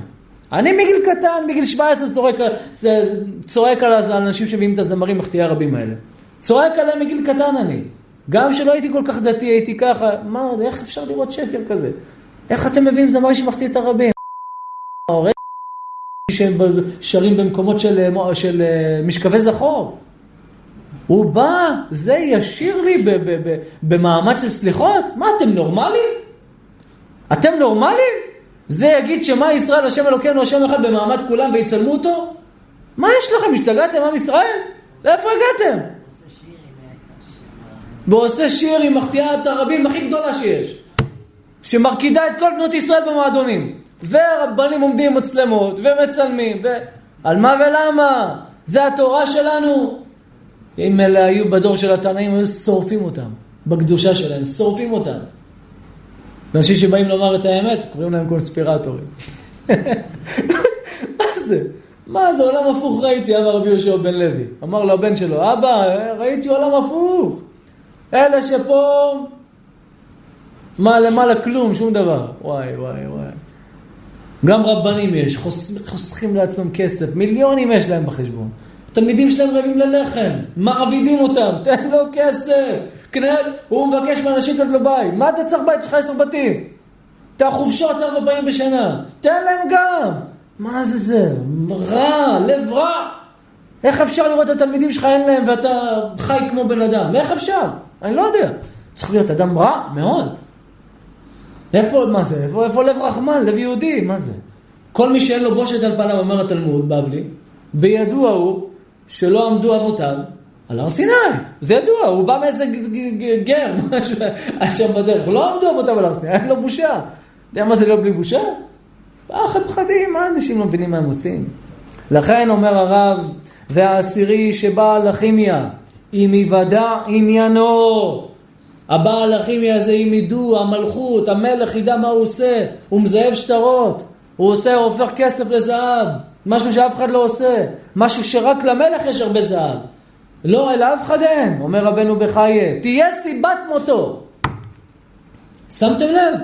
תהיה סיבת מותו. בוא נגיד אם יש לו פה למישהו, אמן, ארבע מיליון יש לו בכספת. אמן, רק שיבוא לדברים טובים. אם לא, שלא יבוא. לא צריך. עושר שמור לבעליו לרעתו. אדם צריך כל יום להתפלל, ריבונו של עולם, מגיע לי טוב, או עושר, אם קיבלתי מיקרופונים כאלה, שאני אלך רק בדרך האמת, ואם לא, שרוף אותם. בלב שלם. למה? מה התכלית? התכלית של הדברים האלו זה לעבוד השם יתברך. לעבוד השם יתברך, מה ייתן? מה ייתן? נחת רוח לקדוש ברוך הוא. מה ייתן לך? ייתן לך תכלית, ייתן לך מנוחה טובה. ואם אתה תקבל דבר, והוא יהרוס לך את התכלית, אתה תרצה אותו או לא? אה? לא תרצה. בוא נגיד ככה, נתנו לבן שלך אוטו, איזה אוטו יש מהיר? למבורגיני, בסדר? והוא בן 17, רק קיבל רישיון. אוטו טוב, זה והכל. הוא יכול להגיע ל-400 קמ"ש. אתה תיתן לאוטו, את הילד, שלך את האוטו הזה? אה? אין אבא נורמלי שייתן לילד בן 17 למבורגיני. למה? מה יחשוב? שהוא ניק פור ספיד. יחשוב שהוא אלה ב... ב... איך קוראים לזה? ב... נו, לא, לא אומר את זה, לא עושה. האלה בא עם המכונות האדומות הקטנות שמורידו עם 4 קילו בנסיעה. פורמולה. פורמולה, ייתקע לך באיזה עץ, יעוף לך ילד. אז מה תעשה? הגבלת מהירות. למה אתה מגביל איתו מהירות, אבא? כי זה לא מתאים לך. תן לי בן 17, אתה עוד לא נותן ניסיון. לא למדת חוקי נסיעה כמו שצריך. אין לך ניסיון בכביש, אותו דבר. אם יבוא לנו עושר, ולא יהיו לנו הגבלות איתו, מה נעשה? אנחנו נזרוק את השם יתברך. נזרוק אותו פשוטו כמשמעו. אנשים שהיו למטה ועלו, זרקו את הקדוש ברוך הוא. מקרים מעשים בכל יום. לכן, אם ידעו מזה שיש לך 4 מיליון, אתה לא תרצה שידעו, מה יקרה אם ידעו שיש לך 4 מיליון? אם ידעו, נגיד מס הכנסה ידע, ולא הצהרת עליו, מה יהיה? 4 מיליון כמדומני זה כמה חודשים בכלא, אני חושב. יותר מאיזה סכום של איזה מיליון או חצי מיליון, אה? כמה? יותר? לא, כמה, איזה סכום? מעל מיליון ומעלה, הסכום המרבי על העלמה זה יכול להיות שנה וחצי, שנתיים. זאת אומרת, אתה תפחד, אפילו שזה כסף טהור, כסף שמתקבל בכל מקום, אתה תפחד שידעו על זה. למה אתה מפחד? יש לך ארבע מיליון, אתה עשיר, אתה יכול לקנות את כל ראשון לציון. אתה יכול לפרנס את כל העניים, אבל אתה הולך לישון מה? בחשש, פחד, חסר ביטחון. הרי למה? אתה עשיר גדול, למה אתה צריך ללכת לישון בפחדים? למה? כי מה? אין לך ביטחון בשם יתברך. זאת אומרת, אתה רואה מכאן שארבע מיליון בכספת, ארבעים מיליון בכספת, עדיין לא ייתנו לך את מה שציפית מהכסף. מה, למה אתה הולך לעבוד כל כך הרבה? למה אתה מצפה להיות עשיר? כי אתה רוצה, שמה? אני רוצה נחת רוח, ריבונו של עולם. אני רוצה ללכת לישון בראש שקט, ככה הוא אומר. אני רוצה כסף לבן ליום שחור. זה מה שאתה רוצה, זה מה שאתה אומר בפיך. אני רוצה מיליונים כדי שאני אוכל לישון בשקט. ועכשיו אתה לא ישן בשקט? תאמינו לי, אתם ישנים בשקט, יש לכם בריאות, אתם בריאים, רצים, הולכים, עובדים. כמה אדם צריך להודות לשם יתברך שהוא עובד ביגיע כפיו. כמה שהוא עובד קשה, להודות לשם יתברך, יש לך ידיים, בריאות, עיניים, תשמח, מאור עיניו של אדם. אתה לא צריך משקפיים, תשמח. רק לשים שתי עדשות ככה, לא זה קשה. לא פשוט. אז תראו מה רצה בן אדם שיהיה לו כסף, כדי שלא יהיה לו דאגות. אבל הנה, הכסף זה יביא לך דאגות. עוד מעט גם כסף שדיווחת עליו למס הכנסה, מה זה עוד מעט? נראה לי שזה עכשיו. יש לך 51 אלף שקל בבית, עבירה פלילית. כסף מוצר, לבן, הכל כתוב. חוק המזומנים. אסור להחזיק 51 אלף שקלים בבית. כמה מותר? 49, 9, 9, 9. לא הבנתי, זה כסף שלי. כסף שאני עבדתי בשבילו. אני לא עבדתי אצל מס הכנסה. אני לא עבדתי, לא עבדתי אצל הבנק, אני עבדתי בהגיע כפיי. למה אתם צריכים שיהיה לכם שליטה על הכסף שלי? למה אתם רוצים שהוא יהיה בבנק ולא אצלי? למה אני מחויב לכם? לא. מס הכנסה אמר להרים ידיים, חייב לשים כסף בבנק, שיהיה מוצהר. אה? גם בהפקדות וגם, הרי איך זה התחיל? זה התחיל בקנייה של 20 אלף מזומן, אי אפשר יותר מ-20, עכשיו זה בא לשש, עוד מעט זה יהיה בשלוש, וימציאו שיש שטרות מזויפים בכל המדינה, כמו שעשו עכשיו, שבאמת אין את זה. לא, לא יש, הם יצרו בעיה כדי לתת את הפתרון. חבר'ה, יש מלא שטרות מזויפים. רגע, מה נעשה? המשטרה, אנחנו מפחדים בעל עסק. יש לנו פתרון, מה הפתרון? לא, יש לנו זה, תשלום בביטקווין, תשלום בזה, תשלום בזה, תשלום בטלפונים. אה, נכון, זה יציל אותנו, יאללה, לקחנו את הפתרון. אותו דבר עם הקוקורונה. לא יהיה מחלה, אין קורונה, אין דבר כזה. זה הכל רעלים, הכל ריסוסים, אין קורונה, תוציאו לכם מהראש. אין דבר כזה, אין ישות למחלות. הם הביאו בעיה בתקשורת שנקראת קורונה. הם אמרו לאנשים, אתם רוצים, אתם רוצים להיות בריאים? בואו ניתן לכם מה שלא הייתם צריכים לקחת. בבקשה. עם פריקרדיטיס. מה זה פריקרדיטיס? דלקת בשריר הלב. עכשיו יש מחקר בשבועות האחרונים שמאז הקורונה 30, 40, 50 אחוז יותר צעירים מתים מדום לב. יפה. מאז הקורונה. לא מאז החיסון. איזה הנדסה. אתם יודעים איזה חכמים הם? אתם יודעים איזה ערמומיים הם? הם חכמים, אין ספק שהם חכמים. אנשים מאוד חכמים, מבריקים. מה ביל גייטס ביקש? הלוואי שלא תתגשם, תתגשם משאלתו. מה הוא ביקש? שבורא עולם הכל ייקח לו, חוץ מהמוח. אני אומר, הדבר הראשון שצריך לקחת לו זה השכל, אמן. שיתפגר על מה שהוא עשה לכל העולם. אנשים לא קולטים את התמונה, איך אתה לא רואה את זה? ואז אתה בא לאנשים משכילים, הולכים לקחת, נכון, מה, תראה הם זייפים. יש העלמת מס, ואתה נהנה ואתה מפסיד אם יש העלמת מס. שפוט של... מה קורה? אם יש לבן אדם את זה בבית, הוא חוזר בערב ויש לו את זה בבית, נמחקת אחי, אתה מחוק. אם יש לך את זה בחדר, את המסך הזה, אתה מחוק. לא תוכל להשתנות. סור מרע ועשה טוב. בקש שלום ורודפהו. אתה רוצה טוב? סור, זרוק את השקץ הזה מהבית. אחד שומע את השיעורים שלי, פתח תקווה, שמע את השיעורים, החליט. קנה טלוויזיה 75 אינץ', אמר הרב, אני נותן את זה לשיעורים. שים לך סטנד, יהיה לך פה במקום מקרן 75 אינץ', איכות טובה, הכל. נותן לנו את זה לארגון, זהו, ברוך השם. החליט שהוא זורק את השקץ מהבית. אני לא רוצה, מה זה ייתן לי? כל היום פיגוע, הפחדות, רציחות, הריגות, ניסיונות, זה, זה. חי, עוד מעט יהיה חייזרים. מה זה חייזרים? הם ישלחו טילים, ימחקו ערים, והם יגידו מה? חייזרים פלשו. מה יוכלו להגיד? מה יש להגיד? אה, חייזרים, וואי, מה עושים? פחדים כל היום. ואין חייזרים! איזה חייזרים אין? אין כלום. בראשית ברא אלוהים את השמיים, מחיצה עליונה 150 קילומטר, אי אפשר לצאת ממנה. מחיצה תחתונה, ארץ, נגמר. והם ימציאו, הם יהרגו אנשים, עוד מעט זה יקרה, אתם תראו, בדוק. מתקפת חייזרים. מה שהיה, סרטים, מלחמת כוכבים, הכל מתוכנן. תראו, ב, תכתבו באמזון קלפים של האילומינטי. תראו, הכל מתוכנן, אתם יכולים להזמין גם לכם לבית. עולה איזה 120 שקל. כל הקלפים של האילומינטי, ארץ שטוחה, אה, פיגוע תאומים, פנטגון, הכל מתוכנן לפרטי פרטים. גם טראמפ, טראמפ הוא בונה חופשי מוצהר. לא מוצהר, מוסתר, גם טראמפ. הכל מתוכנן. לפרטי פרטים עלינו, עומדים עלינו, לכלותנו. ומי מגבה אותם? מי מגבה אותם? העמודים של הדור, אלה הרבנים. שאתה אומר לו, אומר לו, נו אז מה? אז אתה תהיה עכבר מעבדה. הוא אומר לו, ההוא. אומר לו, חבר'ה, הוא עולה, אומר, הוא אומר לשידור, המראיין אומר לו לרב הזה, אומר לו, לוקחים אותנו כעכברי מעבדה. מצוין, אז תהיה מעבדה. ונושך את השפתיים. כן. הוא אומר לאנשים, אומרים לו, אתה עכבר מעבדה, מצוין. בוא ניתן לך, אתה לקחת את החיסול? לא, בטוח שהוא לא לקח. מפחד לקחת. אבל הוא אומר לאנשים אחרים להיות עכבר מעבדה. מי רוצה בטובתכם? היחיד שרוצה בטובתכם זה הקדוש ברוך הוא. רק הוא יתברך רוצה בטובה שלכם. אז אם מישהו רוצה בטובה שלכם, אחד ויחיד, לאן הולכים? לאן הולכים? הולכים לטובה שלו. בודקים את התורה שלו. תהילים, תשובה, מה הוא רוצה ממני? ספרי נביאים. מה הוא צועק עליי בספרי נביאים? כמה הוא מתריע בי שאני אחזור בתשובה? אם תשוב, אליי תשוב. בואו, תשובו אליי, עדיי. אתם הרי החיים שלי, תשובו אליי. שובו אליי ואשובה אליכם. כל הפסוקים מורים על תשובה. ואלה באים מחרטטים, תעשה נטילת ידיים, עקפת את הבבא סאלי. רשע, מורשע, רשע, רשעות שאין כדוגמתה לומר דבר כזה. רשעות. תגיד, לפחות אתה שווה לבבא סאלי. אתה עושה נחת רוח יותר מהבבא סאלי? אני לא מסוגל לשמוע את זה, אני לא מסוגל להבין את זה, איך אנשים שומעים ולא מקיאים. מקיאים, מקיאים, מקיאים. איפה קהינת השם? איפה? אה?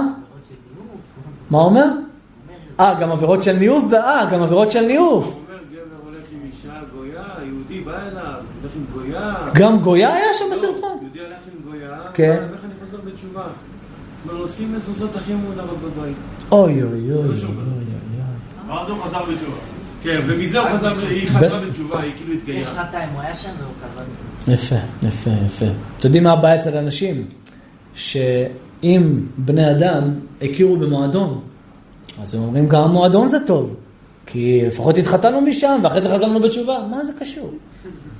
מה זה קשור? אתה היית חילוני, הכרת את, את אשתך לעתיד שמה. מה זה קשור? זה מכשיר את המקום, לא הבנתי. לא הבנתי, מה זה קשור? אז אם, אם בעקבות השואה אה, עלינו לארץ ישראל, אז בואו נעשה עוד שואה. נעלה פעמיים לארץ ישראל. מה הבעיה? בואו נהרוג אנשים. כמה הרגו שם? 6 מיליון. בואו נהרוג 12 מיליון. נעשה פי שתיים, יאללה, נוציא עוד עם. לא, לא. אז אותו דבר. מה יותר חמור, שואה או מועדון? מועדון. מי הורג יותר? מי שהוא בעל מועדון או מי שעושה שואה? בעל מועדון. מי יותר הורס את עם ישראל? זמר ששר שירים ביוטיוב לא צנועים? או אדם שהרג אנשים יהודים בשואה? מי יותר גרוע? זמר. אז אם, כן, כל הגדול המחטיא הרבים יותר מן ההורג. ודאי, זה פשוט מוסכם על הכל. כי הרוח תשוב אל האלוהים אשר נתנה. כמו שהוא אומר, והנה אתה מוצא ההפך הגמור אצל מי שבוטח בבורא יתברך. כי כאשר ישאלו את זה, את האדם אשר חי, ברוגע ושלווה, מהיכן אתה כך שלו? ישאלו המלך של המקום, והוא יגיד לך, מה אתה ככה שלו, אליאל? כל הזמן אתה רגוע. מה אתה עושה בחיים? אתה מה, איפה הכסף שלך? איפה הזהב שלך, שאתה ככה רגוע? והוא ישאל אותך ליד כולם, איך אתה ככה כל הזמן רגוע, מחייך לכולם, איך אתה ככה? תמיד מבסוט, מפרקים אותו, ואתה... מה תגיד לו? אומר בוטח השם, מה הוא אומר לו? את האלוהים אני אראה. הוא יהרוג אותך בעבור זה? מה יעשה? אה? מה יעשה? אדם ששואל אותך שאלה, למה אתה ככה רגוע? בפני קהל עם ועדה, ואתה אומר לו, אני בוטח בהשם את האלוהים אני אראה. מה הוא אמור לעשות לך? שבח אותך, יפארו אותך, יכבדו אותך. איך יכבדו אותך? הרי מה, מה, אתה לא כלום. למה? כי אמרת, הלכת בשם השם. זה מה שאומר הרב. וה, והעשירי שבא על הכימיה אם יוודע עניינו, זאת תהיה סיבת מותו. מפני שמה שהוא משתדל וטורח בו, הוא ההפך הנהגת העולם. ומנהיג הכל ישליט עליו מי שימיתהו, כשאינו יודע להעלים את סודו. אבל הבוטח בשם יתברך, כאשר יוודע ביטחונו, מה זה יוודע ביטחונו? לאנשים, למלכות, לכולם. יגדל בעיני הבריות, ויכבדו בני אדם, ויתברכו בקרבתו ובראייתו. שידעו שכל מה שיש לך זה רק בעבור זה שהלכת עם השם, יאהבו אותך יותר, יבקשו ממך ברכות. אבל רגע, מה, אני, יש לי כסף? יש לי עושר? אתם פעם ראיתם מישהו שהולך לקבר של הרצל או של בן גוריון לבקש ברכה? תענו לי. אה? מישהו פעם הלך, שחולה הלך לבן גורגור לבקש ממנו ברכה? אתה השוכן פה שנמצא, תעזור לי בזכות זה? כלום. למה הולכים לרמב"ם? אה? למה הולכים לרשב"י? למה הולכים אליהם? כי הם יודעים שהם המתווכים שהם הכי יכולים לעזור להם עם השם יתברך. למה הולכים לנתיבות לבבא סאלי? אה? יש שחקן כדורגל שנפטר. אה, יש שדרן שכל החיים, 50 שנה שידר את חדשות הספורט. לך תבקש ממנו ברכה, אתה יודע איזה מצווה הוא עשה? הוא הביא לעם ישראל עגל זהב. למה אתה הולך לבקש? לא, מה, מה, איך אני מבקש? מה הוא שייך ל... אז אם אתה מבקש מזה ברכה, בוא תהיה כמוהו. אתה מאמין שהכוח שלך יכול לעזור לך? למה? כי יכול להתפלל אצל השם, אבל אתה יותר קרוב עכשיו לשם. פלא אתה. בוא אני ואתה נלך ביחד, דבר. ככה זה עובד. רק אנשים עושים למהלכים, מה עשינו כל החיים. תשים לב, מה, מה, מה הולך בעולם? פשוט, מהלכים פשוטים. ויהיה גורם לתקנת עירו ולדחות הפגעים מעל אנשי מקומו. אתה נמצא בסביבה שלו, אתה מוגן. כמו שהגמרא מספרת על אחד שהבית שלו עמד לקרוס, והזמין איזה חכם. אמר לו, בוא, אני רוצה להתדיין איתך בדברים של הלכה, קצת דינים של הלכות. הם היו מדברים, מדברים, בינתיים ההוא סימן, אה, תוציאו, תוציאו את כל הדברים מהבית, כל הדברים חשובים. מדברים בהלכה, שעה, שעתיים, מדברים, אמר לו, זהו, סיימנו. יצאו, הבית התפרק. אמר לו, מה עשית? הורדת ממני זכויות. אמר לו, אבל לא ידעת מזה. אמר לו, כל העושים לו נס, מנקי לו מזכויותיו. אמר, הכנסתי אותך כדי שהזכות של הבית תחזיק פה. הזכות של, של התורה שלך תחזיק את הבית שלי. וכך היה, שעה, שעתיים עוד שהציעו את כל הדברים, עמד הבית. זאת אומרת, צדיק אחד בבית, מצוות בבית, מחזיקות את כל הבית. לפעמים במצווה אחת שלך צדקה, הצלת את כל הבית שלך, וגם את הבית של ההורים שלך. איך? עשית צדקה, לא מגיע לך צער. אתה לא תראה במוות של ההורים שלך. למה האדם שמכבד את הוריו מאריך ימים? למה? קבל את אביך ואימך, למען ילכון ימיך. למה? למה מאריך ימים? מה הוא זוכה?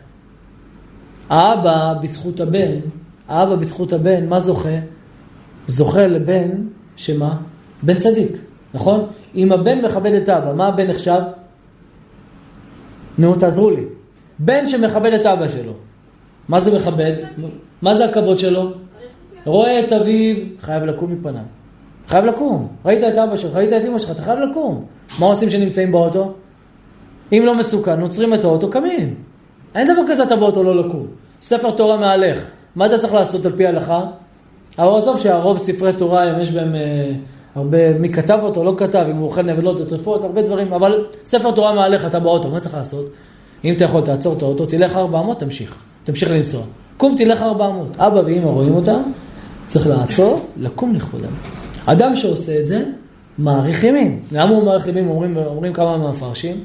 כי האבא, למה האבא מאריך, למה הבן מאריך ימים? וגם האבא מאריך ימים. אם הבן עשה כזאת מצווה גדולה, ויש לו אריכות ימים, גם האבא שלו יאריך ימים. למה? כדי לתת לו עוד מצווה. כי אם האבא ילך, מה יקרה? הוא יאבד את המצווה של כיבוד הורים. אז אם הבן מעריך את ההורים, אז אוטומטית מאריכים גם להורים את החיים, כדי לתת לו עוד מצוות, כי מצווה גוררת מצווה. רבי יונתן אייבשיץ, בספר יערות דבש כותב, שאם יש תלמידים שלא מעריכים את הרב שלהם שהולך בדרך האמת, מה הקדוש ברוך הוא עושה?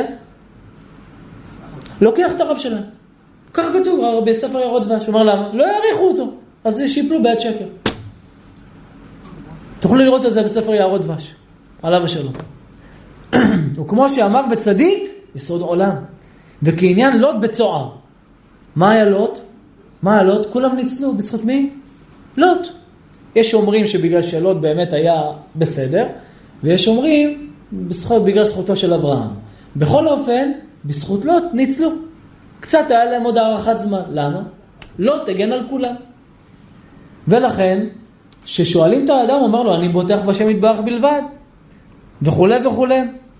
ומסופר על הגר"א, הגר"א היה נוהג לעשות גלויות. יודעים איזה גלויות? אה? אדם שרצח, כתוב, כתוב שאדם שחלילה רצח, אז אחד מהתיקונים שלו, גם בספר פלא יועץ מביא את זה, אחד מהתיקונים זה להיות גולה. מה זה גולה? הוא לא יושן כל לילה, הוא לא יושן בעיר אחת, יומיים רצותים. זאת אומרת, הוא בא לראשון לציון, יושן בראשון לציון לילה אחד. לאחר מכן הוא הולך לרמלה. לאחר מכן עובר ליהוד, לאחר מכן הולך ליבנה. כמה שנים? שבע שנים. להיות גולה ממקום למקום על זה שהוא רצח אדם מישראל. אה? כן. גולה וגולה וגולה, ויש אומרים שהוא צריך לשבת בפתח בית הכנסת בכל מנחה ולהגיד, אני רצחתי אדם כזה וכזה ואני עושה תשובה. כל יום. תראו מה זה חומרת הדין, לאן זה מגיע. הגר"א עליו השלום, שלא ביטל תורה, אולי שש דקות, ככה אומרים עליו, על הגאון מווילנה, שש דקות תורה ב, בכל ימי חייו, היה גולה, היה עושה גלות. ואמר הגאון מווילנה, אני אף פעם לא קינאתי באף אחד. אף פעם לא קינאתי. אבל אני מקנא בזוג מבוגרים, שהייתי רוצה שיהיה לי קצת מהמידות שלהם. מה היה? שהוא הלך לגלות, אז הוא הלך לאיזה זקן, אחד מבוגר. והזקן הזה שם הוא אמר לו, בוא אני אארח אותך, אני אתן לך לאכול, עשה לו אוכל טעים, עשה לו הכל, והוא יושב. והגר"א אומר לו לזקן, תגיד לי, אני לא עובר עכשיו על הלכה? אמר לו, לאיזה הלכה? כל סעודה שאינה מספקת לבעליה, אני לא יכול לאכול ממנה. אתה אדם זקן, מבוגר, בקושי יש לך פה משהו, אתה מארח אותי בדבר כזה, אולי אין לך מה לאכול. אמר לו, אל תדאג, ברוך השם, אתה לא מבין איזה ניסי ניסים יש לנו. מה, איזה ניסי ניסים? אשתי עובדת, ובעל הבית מסכים לה לקחת בתחנת הקמח את השאריות שנצברות שם בזה, את הקמח שנצבר שם, אז בעל הבית מסכים לה לקחת את, ה, את, ה, את המעט שבמעט והיא אוספת, ונשאר לנו ככה איזה קמח גדול, ואנחנו מודים לשם יתברך, ואומרים תודה, וברוך השם, איזה ניסי ניסים השם עושה לנו, דבר כזה. טוב, התפלא מאוד הגר"א. בשבת, אמר לו בוא, תישאר גם בסעודה בשבת, נארח אותך. רבותיי, הזקן הזה, המבוגר, הוא ואשתו, מארחים 30 אנשים, ושמחים מכל מה שיש, ואין להם כלום. אמר הגר"א, אני התפלאתי משתי דברים. אחד, ממידת ההסתפקות, מהדבר השני, מהשמחה שיש לו מאבק של קמח. הוא שמח בזה יותר מאשר אדם שמח בלמבורגיני שלו. אדם יש לו בניין בתל אביב, שלו. כל ימיו דאגות, רב עם כולם, ולא הבאת לי את הספר, איך לא וזה. לפעמים אני מתפלא, אנשים שופצים בית, האישה באה, אומרת לה, הרובה, הרובה פה חסר פה, תשלים. החלון פה טיפה פספסת, ומחזירים את בעל הבית. ועל איזה שריטה, נכון שזה מעצבן וזה, אבל תחליק, תחליק. אז איזה שריטה, מה קרה? אז הרובה לא מושלמת. לא, אני אתבע אותך, אתה לא תקבל ממני את הכסף. לא הבנתי, אתה אדם עשיר, זה מה שמבוא לך, טיפת שריטה? אישה בכלל לא יכולה, אין, נגמר הסיפור. נגמר, אם יהיה שריטה על השולחן, כל החברה תהיה אצלו בבית. בסדר, אני לא אומר שזה לא בסדר, בסדר. כי יש דברים שאפשר להחליק בהם, ואנשים לא מחליקים בהם. מקפידים וזה, ויש אדם, ברוך השם, זה מה שיש, הכל בסדר. ככה אדם צריך לזרום, תהיה קליל. אנשים צריכים להיות כלילים יותר.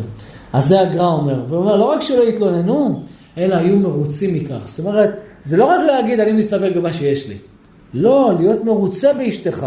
יש אדם אומר, ברוך השם, אני מסופק באישה שלי. מה זה?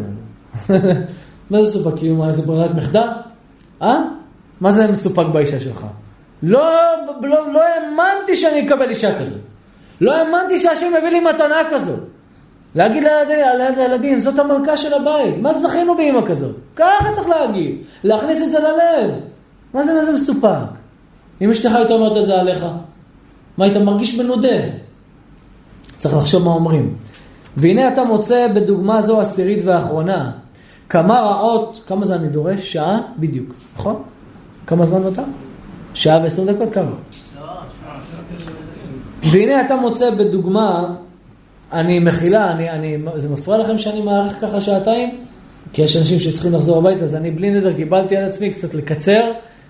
אה, כן, מה, אז אני יודע שאנשים אוהבים אריכות ואין הרבה שיעורים, אבל ברוך השם, קצת נקצר את זה, שעה וחצי נעשה במקום שעתיים. מה אתם רוצים, שלוש שעות שיעור? מה? לא מתכנן את הזמנים, אבל קצת לקצר, שאנשים ילכו הביתה מוקדם. שעתיים את רוצה, הנה, היא רוצה שעתיים. שיעור האחרון היה שעתיים וכמה דקות היה, ברוך השם. לא מרגישים שעובר הזמן, ברוך השם. תודה רבה לשם. טוב, והנה אתה מוצא, ותאמינו לי, מתוך 14 עמודים רק שתי, שתי עמודים. לא נורא, פעם, פעמים הבאות. כמה רעות יוצא לכל מי שמשנה ממנהג מלכות המקום, מלבד עובד האלוהים, שאף על פי שהוא משנה ממנהגו, הוא בוטח על האל יתברך, ואומר דברים שהם לא בשכל אנוש, בכל זאת מתייקרו לפני בני אדם. ולהפך הוא, אצל מי שאינו שם מבטחו ומשתמש בכל מיני דרכים לפרנסה, כגון זה היודע להפוך המתכת לזהב, שכל מי שמשתמש בנוסחה, אפילו שהיא בטבע הבריאה, אבל משתמש עם מה שלא כנוהג המלכות, כאשר יוודע הדבר למלכות, יענשו בעונש גדול. ואני כותב, יש לי ללמוד מכאן דברים נפלאים. ומה זה שלא הפר כי אם חוק אחד של המלכות? אדם שמפר חלילה את מנהגו של המלך המרומם מן הכל, הוא השם יתברך, על אחת כמה וכמה. הלא תראה בנוהג שבעולם, אבן שפוגעת בראש של בן אדם, מה עושה לו? רוצצת את מוחו. אדם ששם את היד בתוך האש, מדורה, ל"ג בעומר, שם את זה בתוך... הילד, אתה מתקרב למדורות, אתה כבר, הפנים שלך לפחות לכולה אדומות. מה קורה? מה החוק בטבע אומר? הטבע גימטרי אלוהים. מה אומר? אם אני אפר את חוקי הטבע, ודאי שמה? אני אנזק. זה בדברים הגשמיים. מה זה הפרת חוקי הטבע? אדם שישתה כלור, מה יקרה לכבד שלו? הלך כבד, זהו, נגמר, זה דחוף. תראו מה כתוב בכלור מאחורה. מי שטיפה נכנס לו לפה, מיד לרוץ לבית חולים. למה? סם ממית. בגדר הטבע, אדם צריך למות. נחש הקיש אותך, מיד לבית חולים. למה? עושה את הדם קרוש, מקריש לך את כל הדם, לא עובר אדם בעורקים, נגמר הסיפור, לא מגיע אדם לרקמות, מת האדם. זאת אומרת, אדם שאוכל שמן קנולה, מה זה שמן קנולה? נפט. אנשים לא יודעים, נפט, תתחילו לבש, גם ככה השמן קנולה עלה ל-13 שקל לליטר. תקנו שמן זית, פעם מלא היה 4.90, היית מוצא איזה 3 ב-10. היום את הנפט הזה העלו ל-14.90, 13.90, 9.90. קנו שמן זית, אתם עושים אפרום, שמן זית. תרגלו, אני לא צוחק, באמת, שמן זית. אני עומד להוציא, אני לא נוגע בשמן קנולה. אם אשתי עושה לי תבשילים שמן קנולה, אני לא נוגע. משתדל מאוד להתרחק, לא לגעת. אה? מומלץ, לא שמותר, זה יותר טוב מדיגון שמן קנולה. כי שמן קנולה, כל מה שמקבלים אותו על המדפים, זה בשינוי תרכובת כימית. תראו איך מייצרים אותו, הוא שחור. זה נפט, כל זה נפט, חומרים של נפט, זה לא בריא בכלל. זה הורס את כל כלי דם. זה הורס את כל הכבד, זה עושה בעיות, אה? כן, תראו. נכון? גם שכתוב, שכתוב שאבותינו היה להם שמן וזה, איזה שמן היה להם? שמן זית. במה הם מבשלים פעם? שמן זית. במה הם מדליקים נרות פעם? שמן זית. זה דבר חדש כל השמן קנולה וכל הדברים האלו, זה רעל עכברים. אין מה לגעת בזה. אז אדם חכם יודע שמי ששם שמן קנולה שאנשים שמים, אני ראיתי, כוס שלם בקציצות דגים. או כוס שלם בשמונה בורים שהם שמים. שמונה, שמונה דגים, עושה. שמונה דגים, ככה כוס שמן, מה קרה? מה קרה? שמונה, כוס שמן? מה זה כוס? זה כוס שמן? היום מישהו שלח לי, ישראלי ממוצע אוכל 34 כפיות סוכר ביום. אתם יודעים מה זה? קח כפית סוכר אחת, תאכל זה, קוקה קולה, אקסל, רדבול, המבורגר, הלחם שם מלא בסוכר, מתוק, 30 ו... אה? מה זה? אה, נס עם שתי כפיות סוכר, קפה עם שלוש כפיות סוכר, כי הוא לא אוהב את הקפה, אוהב את של סוכר, אבל הוא רגיל לקפה. אז זה מה נקרא, לא נאריך בזה, בלי נדר, אני רוצה לעשות שיעור שלם, כמה, כמה שיעורים על בריאות טבעית. מה זה מחלה? איך נוצר מחלה? כל הדברים שיש בדור, הרבה דברים שאספתי, חומרים, דברים, דברים יפים מאוד. לא נאריך בדברים האלו, אבל הדבר החשוב ביותר צריך לדעת, שאתה מפר חוק, אתה משנה. כמו שאתה מפר חוקי תנועה, אתה משלם. כמו שיש גדר הפרדה שאם תסטה ממנו אתה תיפול אה, לעמק, כל דבר שחוק, אתה מפר, אתה משלם. זה בדברים הגשמיים. מה בדברים הרוחניים? אומר שלמה המלך בקהלת, פרק י"ב, פסוק ז'-ח', וישוב ועפר על הארץ כשהיה. מה זה כשהיה? אדם מאיפה לוקח? מעפר. אתה לא באת מעפר, אתה באת מטיפת זרע. אבל ישוב, אותו אחד שבא מעפר, אדם הראשון מארבע רוחות העולם קיבץ. לאן ישוב? לאדמה, לארץ, כשהיה, והרוח תשוב אל האלוהים אשר נתנה. הבל הבלים, אמר הקהלת. מי זה הקהלת? שלמה המלך. הכל הבל. כל זה הבל הבלים. ואכלת סטייק הכי משובח בעולם. ואגיו אכלת, ואגיו. 400 דולר סטייק, אוי אוי אוי, 1,600 שקל סטייק, שחתיכה כזאת קטנה, מה זה משוגעים? אלף, אכל, לאן זה עובר? עוד דקה תשכח מזה, זהו. אנשים אוכלים כבד אווז, וואי, איך אתם נוגעים בכבד אווז? מה זה, זה... רבותיי, הורגים אותו, הורגים אותם. תראו איך מכניסים להם את המוט הזה, תראו, לתוך הגרון, אתה אוכל את זה, אתה נהיה אדם רע. מלבד כל הבעיות של הכשרות, בואו נגיד זה היה הכי מודר, אליהו הנביא שלך. אבל כזה כנראה, תראו, תכתבו פיתום כבד אווז, כזה דבר, איזה רוע. ואין מצב שלא נפגם שם משהו בדרך. רוע, התעללות בשביל הבטן, בטניהם אלוהיהם. טוב, עכשיו תראו, דבר מעניין ונפלא מאוד מצאתי בתרגום יונתן. אתם לא תאמינו פלא פלאים. ולפני שאציג את דבריו, אכתוב כיצד הגעתי אליהם. הנה כאשר הבאתי כאן את מה שאמר קהלת, שהעפר שממנו האדם לוקח מן האדמה, ישוב להיות בארץ.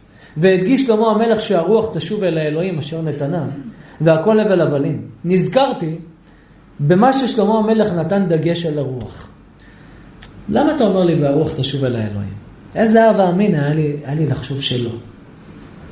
שלמה המלך אומר, אל עפר תשוב. ומה? והרוח תשוב אל האלוהים. איזה אהבה אמינה היה לי לחשוב שהרוח לא תשוב אל האלוהים. מה הייתי יכול לחשוב? אני לא בירכתי, נכון? ברוך אתה אדוני, אלוהינו מלך העולם, שהכל נהיה בדברו. מה הייתי יכול לחשוב? מה, הרוח לא תשוב אל האלוהים? ודאי שתשוב אל האלוהים. מה אתם אומרים? אלא מה? האם בפרשת בראשית כתוב שם משהו על הרוח של האדם? מה איזה פסוק יש שם שמדבר על עפר והארץ ועפר? מה? איזה פסוק? תשמעו טוב. בראשית פרק ג' פסוק י"ט: בזיעת אפיך תאכל לחם עד שובך אל האדמה כי ממנה לוקחת כי עפר אתה ואל עפר תשוב שימו לב, איפה הרוח? לכאורה, העונש של אדם הראשון היה שכאשר ימות מן העולם, הקדוש ברוך הוא ימחה לו גם את הגוף וגם את הרוח. למה לא אמר פה רוח? אין פה דיבור על הרוח. מה קורה עם הרוח של האדם? מה, תגיד, זה פשוט? אם זה פשוט, למה שלמה המלך כתב? מישהו לא הבין פה? אני אחזור. אני חוזר. כתוב בבראשית פרק ג' פסוק י"ט: בזיעת אפיך תאכל לחם, עד שובך אל האדמה, כי ממנה לוקחת, כי עפר אתה ואל עפר תשוב. למה לא אמר פה והרוח? למה לא אמר משהו עם הרוח? למה שלמה המלך שדיבר היה צריך להגיד רוח? למה שאמר וישוב ויעפר אל הארץ כשהיה והרוח תשוב אל האלוהים אשר נתנה. מה ראה לרבות יותר מהתורה? אלא מה? יכל לבוא אדם לומר, תראה, כשאדם אה, מת, הולך למות מן העולם, איפה כתוב שהרוח תשוב אליו? בא שלמה המלך ואומר, תיזהר, אל תתבלבל. כשאדם נפטר מן העולם, הנשמה שלו הולכת לתת דין וחשבון. שלא תחשוב שזהו נגמר, הולך לבית עולמו והולך למנוחה. לא, יצטרך לתת דין וישאלו אותו על כל דבר ודבר. חשבון המעשים. שימו לב, אתם תהיו בהלם. מה התרגום יונתן כותב? שימו לב, זה פלא פלאים. אומר התרגום יונתן, במילים האלה, אומר ככה, עליו השלום. הנה ראיתי בתרגום יונתן שהזכרתי בתחילת זה הסעיף, שכתב כך: בעמל כף ידיך תאכל מזון. מה זאת אומרת בזיעת אפיך תאכל לחם? אומר תרגום יונתן, בעמל כף ידיך תאכל מזון. זאת אומרת, אתה בעצמך תייגע את עצמך בשביל לאכול, זה הקללה שלך. עד שתשוב לאדמה שממנה נבראת, עד יום מותך, כי עפר אתה ולאדמה תשוב. נקודה. עד כאן, כפתור ופרח כמילים של התורה, נכון? מסכימים? שימו לב, ההפתעה של החיים. שמין עפר אתה עתיד לקום ולתת דין וחשבון על כל מה שעשית ביום הדין הגדול. שימו לב, שימו לב איזה יופי. התרגום יונתן את סוף הפסוק, אני רוצה שתתרכזו, תרגום יונתן את סוף הפסוק, תראו מה הוא דורש עליו. כתוב בפסוק, כי ממנה לוקחת כי עפר אתה. נקודה. עד לפה זה מה שהיה צריך להיות. מה זה שהקדוש ברוך הוא אומר ואל עפר תשוב? מה התרגום בנתן מפרש את המילים האלו? ואל עפר תשוב. כולם מפרשים כפי הפשט, ואל עפר תשוב, מה? תשוב לעפר, תמות. לא, זה לא יכול להיות, אומר התרגום נתן. למה? כי כתוב לפני, עד שובך אל האדמה, כי ממנה לוקחת כי עפר אתה. מה חזר לומר ואל עפר תשוב? חייב לומר, אומר התרגום נתן, ואל עפר תשוב זה תחיית המתים. מה זה ואל עפר תשוב? כמו שמטת ושבת אל האדמה, הפך, העפר הפך להיות אדמה, ככה ואל עפר תשוב, אתה תחזור שוב מהאדמה להיות עפר ותקום בתחיית המתים. ולכן אנחנו לומדים מפה שתי דברים עצומים. תחיית המתים מהפסוק הזה. דבר שני, שרבנו יונתן בן עוזיאל, שהיה תנא, מוחק את תורת הגלגול. למה הוא מוחק את תורת הגלגול? נו, תעזרו לי. למה לפי שיטתו צריך לומר שאין גלגולים? אה? לא. כי כתוב שאתה תיתן דין וחשבון על כל מה שעשית ביום הדין הגדול. אין איסורים למעלה, אין עונש שאדם נפטר. מתי העונש האמיתי? שכולם יקומו מן הקבר, אז יגיע העונש של כולם. איפה זה רמוז? שימו לב, שימו לב. כתוב במלאכי פרק ג' פסוק י"ח-י"ט: ושבתם וראיתם בין צדיק לרשע, בין עובד אלוהים לאשר לא עבודו. כי הנה היום בא בוער כתנור, והיו כל זדים וכל עושה רישה קש, וליאת אותם היום הבא. והנה כעת מובן היטב כיצד יראו כל באי העולם, מי צדיק ומי רשע, מתי זה יהיה בתחיית המתים? הקיץ עובר עלינו שוכני עפר, ושבתם וריתם, איך אנחנו נראה? בתחיית המתים שכולם יקומו. לא, זה משהו אחר, רגע, שבתחיית המתים שכולם יקומו, מתן, שכולם יקומו, מה יהיה? איך ידעו מי צדיק מי רשע? זה יקבל יסורים. זה לא, לא כל מה שפירשנו עד היום. מה אומר התרגום? שים לב, אומר התרגום שמן עפר אתה עתיד לקום ולתת דין וחשבון על כל מה שעשית ביום הדין הגדול.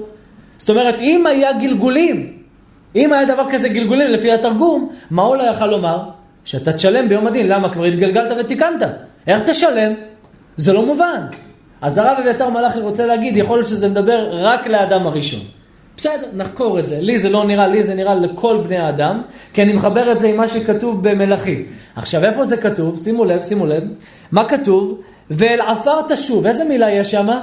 תא שוב. איזה מילה יש במלאכי? ושבתם.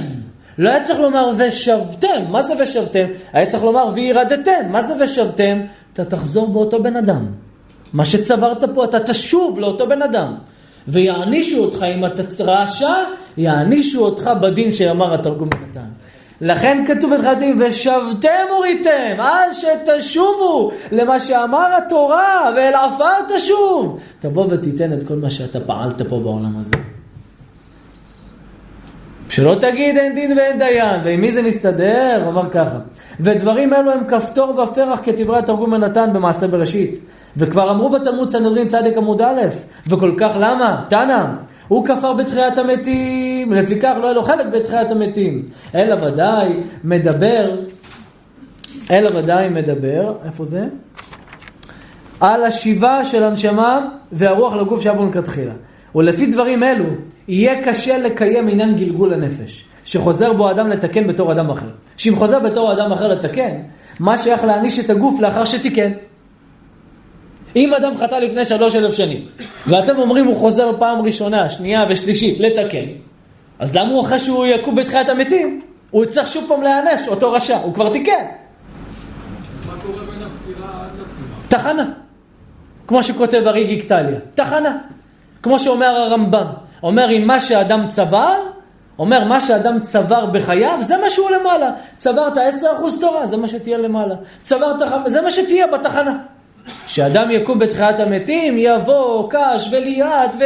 וחיסל אותם בוער כתנור. שימו לב מה אומר הבן של הרמב"ם. אומר רבי אברהם בן הרמב"ם, הגמול האחרון הוא חיי העולם הבא.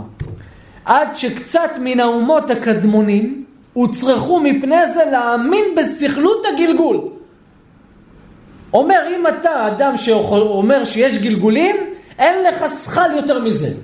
אני לא אומר שככה זה, זה מה שאומר המספיק לעובדי השם, רבי אברהם בן הרמב"ם. והוא שנפש המת בעת תיפרדה ממנו, תתגלגל ותיכנס בגוף אחר. הוא אומר זה סכלות, טיפשות, הוא אומר להגיד את זה. וזה הדעת, לא סבר אותו חכם אמיתי, ולא האמין בו בעל תורה.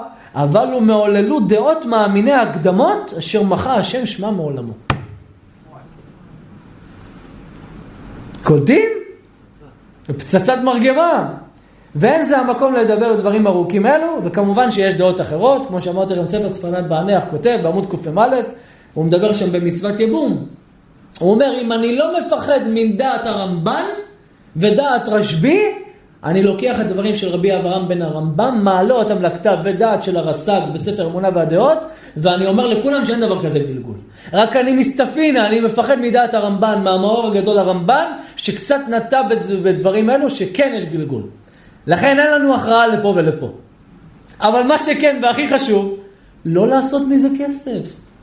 לא לבוא לאנשים להגיד להם אתה גלגול ההוא ואתה גלגול הזה ואתה חזרת בזה ואתה זה ואת את, את היית גבר בגלגול שעבר ואת אני חייב לתקן לך את הניצוצות בשביל שתביא ילדים ואת חייבת לשכב איתי, רב אומר לאישה את צריכה לשכב איתי, את אישה נשואה, אין לך ילדים חמש שנים כי את גלגול של זה ואני ואת בגלגולים אחרים ואנחנו צריכים להתגלגל ביחד כדי שתקחי את הניצוצות שלי וגלגולים גלגולים גלגולים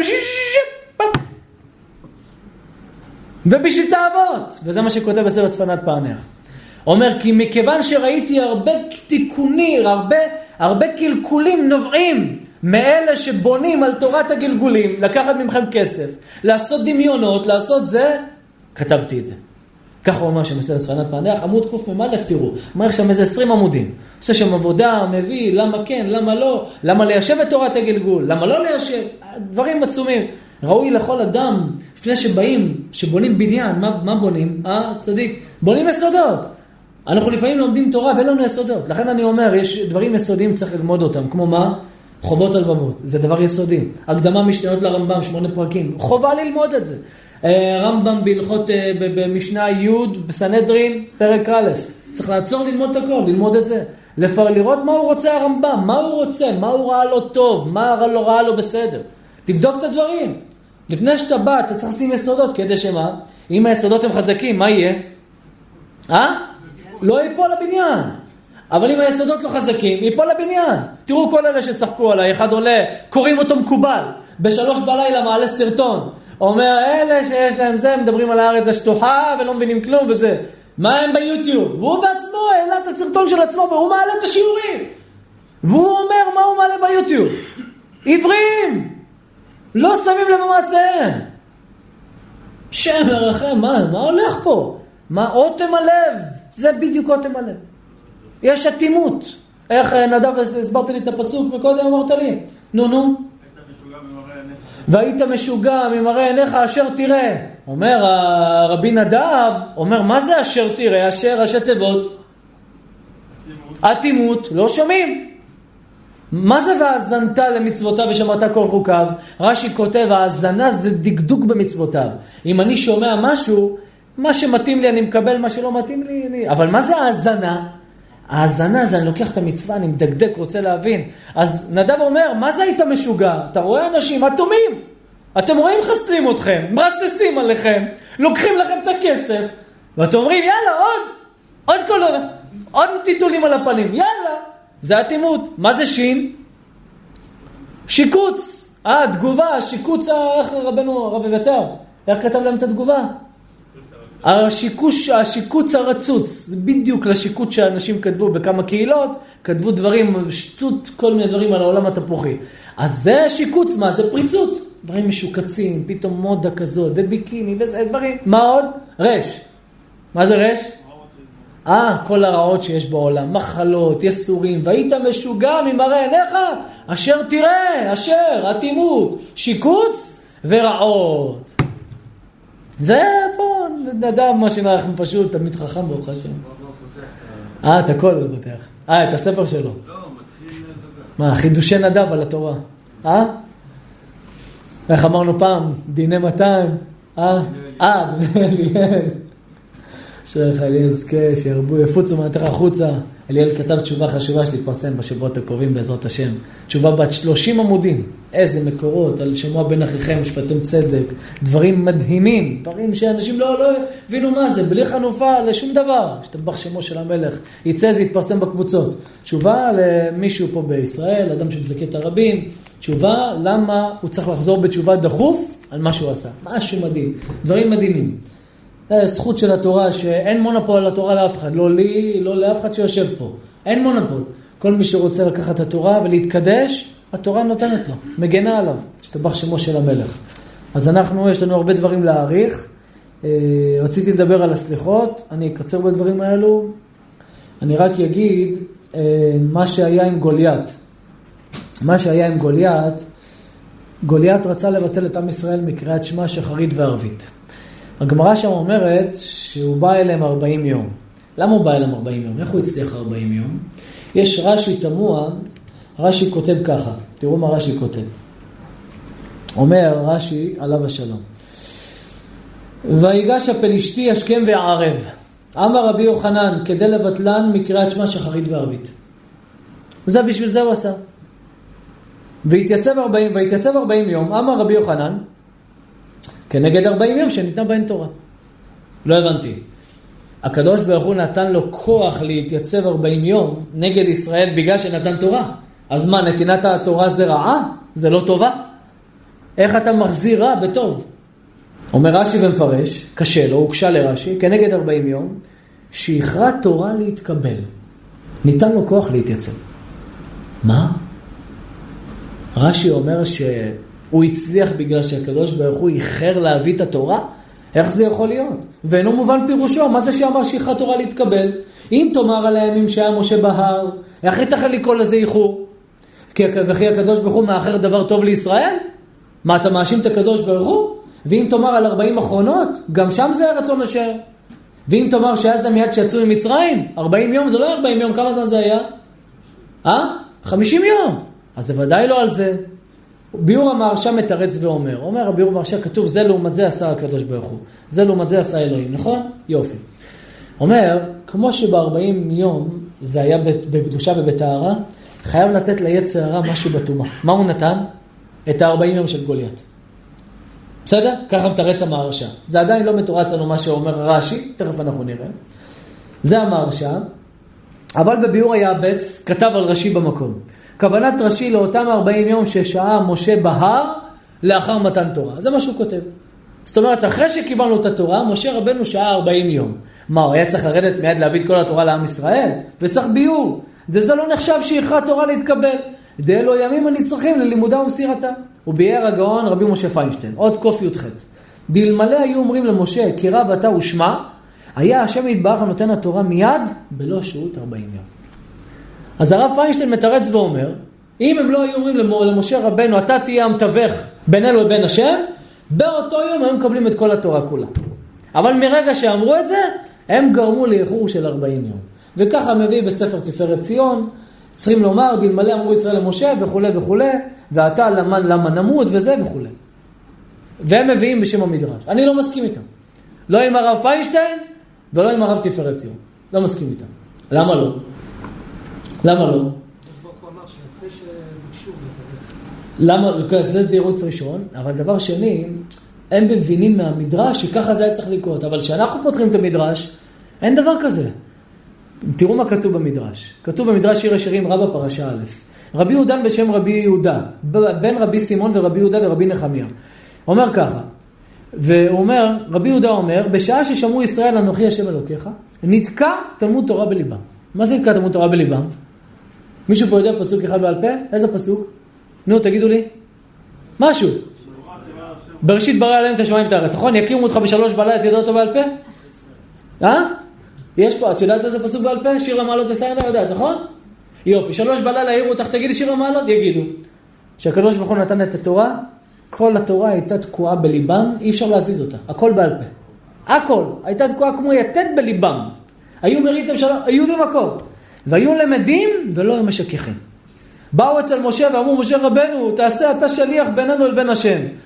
וחזרו ללמוד ושכחו. זהו. הצטערו על זה, בא למשה רבנו, אמרו לא, אי אפשר. הלוואי יתקע תלמוד תורה בליבנו כמו שאמר להם אין זו עכשיו, אבל לעתיד לבוא יהיה... הם היו ככה, יפה. התפארת ציון אומר, אם לא זה, הם היו מקבלים את התורה באותו רגע. זה לא כתוב במדרש. זה לא מבואר במדרש שהם מקבלים באותו רגע. זה שהם לא שכחו, זה לא אומר שהם למדו, יכלו לקבל את כל התורה ברגע, זה עדיין לא סיבה לעכב. אלא מה? בכל אופן, אלא מה צריך לומר? אלא איזה 40 יום אלה היו? איזה 40 יום? כדי זה ישב את רש"י. רש"י אומר בגלל שאיחרו את התורה, זה לא יכול להיות שהשם... אז מה? 40 יום של חטא העגל. שמשה רבנו עלה לפייס את הקדוש ברוך הוא במעשה חטא העגל. זה 40 יום שאיחרה תורה. כי לוחות ראשונות נשברו. היה צריך, היו צריכים לקבל תורה חדשה, היה צריך 40 יום לעכב בחטא העגל. השתבח שמו של מלך מלכי המלכים. בכל אופן, למדים אנו שגוליה תבין המהלכים של השם יתברך, וידע כמה קריאת שמע יכולה להועיל לעמו ישראל.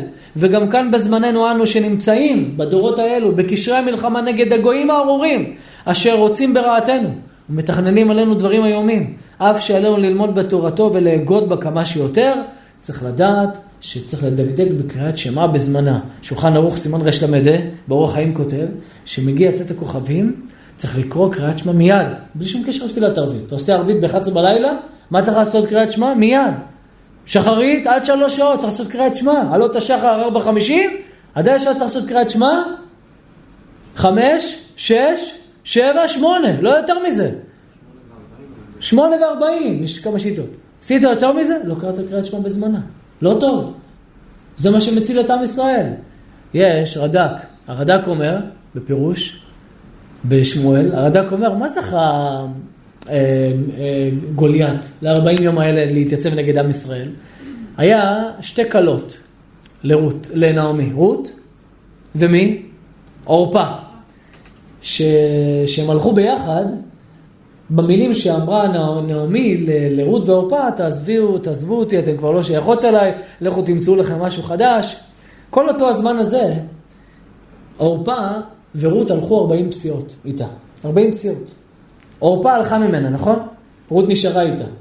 אומר הרד"ק, בעבור אותם 40 פסיעות האלו, הקדוש ברוך הוא נתן לגוליית 40 יום להתעלל בעם ישראל. ככה אומר הרד"ק. 40 צעדים שהלכה עורפה עם חמותה, הקדוש ברוך הוא החזיר לבן שלה שלא הרגו אותו ב-40 יום האלה. אף על פי שבא וניסה לבטל ולא הצליח, הקדוש ברוך הוא יבלו. תראו מה זה מידה כנגד מידה. לב טוב ברא לי אלוהים ורוח נכון חדש בקרבי. מה זה לב? זה מה שצריך לבן אדם. לב טוב. רואה אני את דברי רבי אלעזר מדבריכם. ההוא יש לו תורה, ההוא מזכה הרבים, ההוא מחזיר בתשובה. אבל יש אחד יש לו לב טוב. רואה אני את לב טוב מדבריכם. השתבח שמו לעד שמלך מלכם מלכים. שהקדוש ברוך הוא ייתן לכם ברכה והצלחה. כל מעשי ידיכם, כל אשר תפנו, תשכילו ותצליחו. יש הרבה דברים שרצינו להספיק ולא הספקנו. כן. כן, אבל הזמן קצר.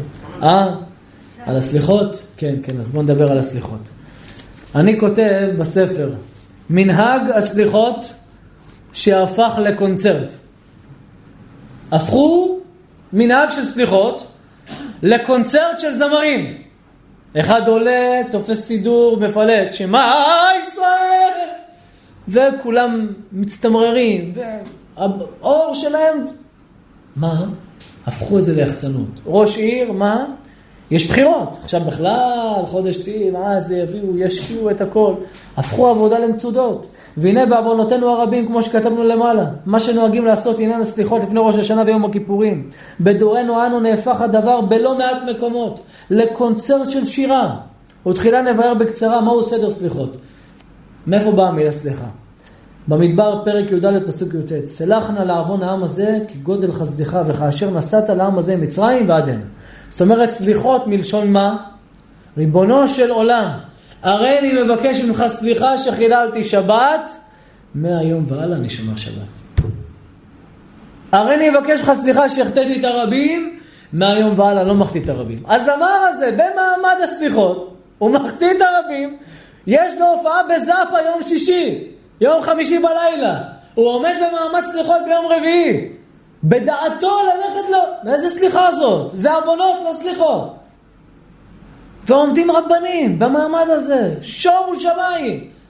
והציבור הולך אחריהם כמו עגלים. הם חוטאים, הם מחטיאים אתכם. והם לא אשמים הציבור, אבל אלה הראשים, הם האשמים. הוא אומר ככה, אומר, אומר, ומרבים בתשובה, ובתחנונים אליו ידבח מינו מקלב, ומן ההבנה וההכרה מה גודל החטא. וכלפי מי החטא? וחלילה. אם הופכים, את, אם הופכים הדבר לשירה ופיוטים בלבד, מה עשו בכך? כמו שאמר ביואל, פרק ב', פסוק י"ב, וגם אתה, נאום אדוני, שובו עדיי, בכל לבבכם, חובות הלבבות. מה רוצה? את הלב שלכם. ובצום ובכי ובספד. רגע, אם אתה רוצה את הלב, למה אתה אומר צום, בכי ומספד? כי על ידי המעשים ישברו הלבבות. פירוש שני, אם אתה תראה שאתה בוכה, גם אם בלב שלך לא השתנת, אולי החבר שלך יהיה שאתה בוכה, ויחשוב שאתה בוכה עליה באמת מתוך הלב, הוא ירצה לחזור בתשובה. לכן אומר השם, אם לא אתה, לפחות ההוא. שיראה שאתה עושה את האטה, לפחות ההוא יחזור בתשובה. אתה, בסדר, הלב שלך רע. וקראו לבבכם, ועל בגדיכם, ושובו אל אדוני אלוהיכם, אומר הרד"ק. מה זה וקראו לבבכם ועל בגדיכם? אם תשבור את הלב שלך, תחזור בתשובה, תחליט שאתה מוריד את השקץ, לא תצטרך לקרוא את הבגדים. איפה קוראים את הבגדים? ברוך אתה אשר אלוקינו מלך העולם, דיין האמת. קורע את הבגדים שאתה קובר בן אדם. לא תצטרך לקרוא אותם. תקרא את הלב, הילדים שלך יישארו חיים. ההורים שלך יישארו חיים. תבין מה עשית לא בסדר. לא תצטרך לקרוא אותם. ושובו אל אדוני אלוהיכם, בואו אליי. כי חנון ורחום, בוא אליי, אלה לא רחמנים. אלה הרבנים השקרנים לא רחמנים. הם רוצים את טובת עצמם. הזמר הזה הוא לא רחמן. הוא רוצה כסף, שיהיה לו שמונה אלף שקל, תבוא תעשה קונצרט. ההוא מקבל ארבע אלף שקל, תבוא תעשה קונצרט. מקבלים כסף, לא רוצים אותך, מי רוצה אותך? השם יתברך. ערך אפיים ורב חסד וניחם על הרעה. עשית לי רע? אני מוכן לסלוח לך. מזמור לדוד, נצחו למי ש... שמנצחים אותו ושמח. מי זה היחיד שמנצחים אותו ושמח? הקדוש ברוך הוא, יש אדם צחק איתו קלפים, שש בש. לא על כסף. הוא יעשה הכל כדי שלא תנצח אותו. אה, הולכים לשחק כדורסל. מי אני אתן שינצחו אותי? מה פתאום? אני אנצח פה. בלי כסף, אה מתן? מתן, לא יודע איך לנצח אותי. לא. אומר, מי זה שמנצחים אותו ושמח? הווה אומר זה הקדוש ברוך הוא. מה זה מנצחים אותו ושמח? אדם עשה עבירות. חמורות, חילל שבת. מה מגיע לקדוש ברוך הוא? על פי החוקים, על חוקי המדינה, לקחת את הדין. מה עכשיו אומר בורא עולם? בוא, אני מלקח לך את הכל. רק תגיד חטאתי, רק תגיד חטאתי, אבידי פשעתי, מוכר לך על הכל, אין גזרות, מוריד ממך את הכל. אז מה זה סליחות? מה המהות של סליחות? לחזור בתשובה. זה המהות של סליחות. עכשיו אני אגיד לכם ככה, דין התלמוד לא מבואר שהיו עושים סליחות בכלל, אני אקצר לכם. רב כהן צדק, עושים סליחות ומרבים בתחרונים מראש השנה ועד יום כיפור. רב עמרם גאון, מוסיפים לומר תחנונים בעשרת ימי תשובה בתפילה בלבד, בסדר? רבי גאון, מנהג העולם לומר תחנונים לחוד מן התפילה, באותם עשרת ימים שבין ראש השנה ליום הכיפורים. אבל לא כתב באיזה שעה משעות היום. זאת אומרת, כל הימים האלה, אלול, ראש השנה, מה הם נועדו? להוסיף תפילות, כדי לשבר את הלב. ריבונו של עולם חטאתי. אבא שבא אותי, אבא תדריך אותי. זה, זה בשביל זה בא. ודעתם משום שעלה משה רבנו למרום וירד ביום הכיפורים. רמב"ם לא מזכיר במשנה תורה לרמב"ם סליחות. אלא מזכיר תחרונים ודברי כיבושין, וגם זה דווקא בעשרת ימי תשובה. שולחן ערוך תקפ"א, נוהגים, מנהג, לקום באשמורת, לומר סליחות אחרונים ראש חודש אלול, ואילך עד יום הכיפורים. בכל אופן, בכל אלו הדברים. עלינו להשכיל וללמוד שאין מנהג הסליחות חובה הוא, לא מן התורה, לא מן התלמוד, לא מן הגאונים, אלא מנהג טוב וקדוש. ולכן, כיצד עם מנהג כזה קדוש, הפכו אותו אנשים שנקראים דתיים, ליחסי ציבור בר מינן, ולערבי קונצרטים ושירה.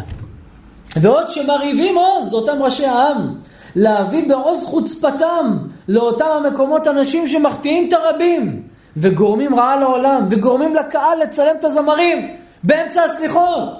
ההוא מפלט, וזה, ומעלים אותו לטיקטוק, ותראה, לוי הגיע.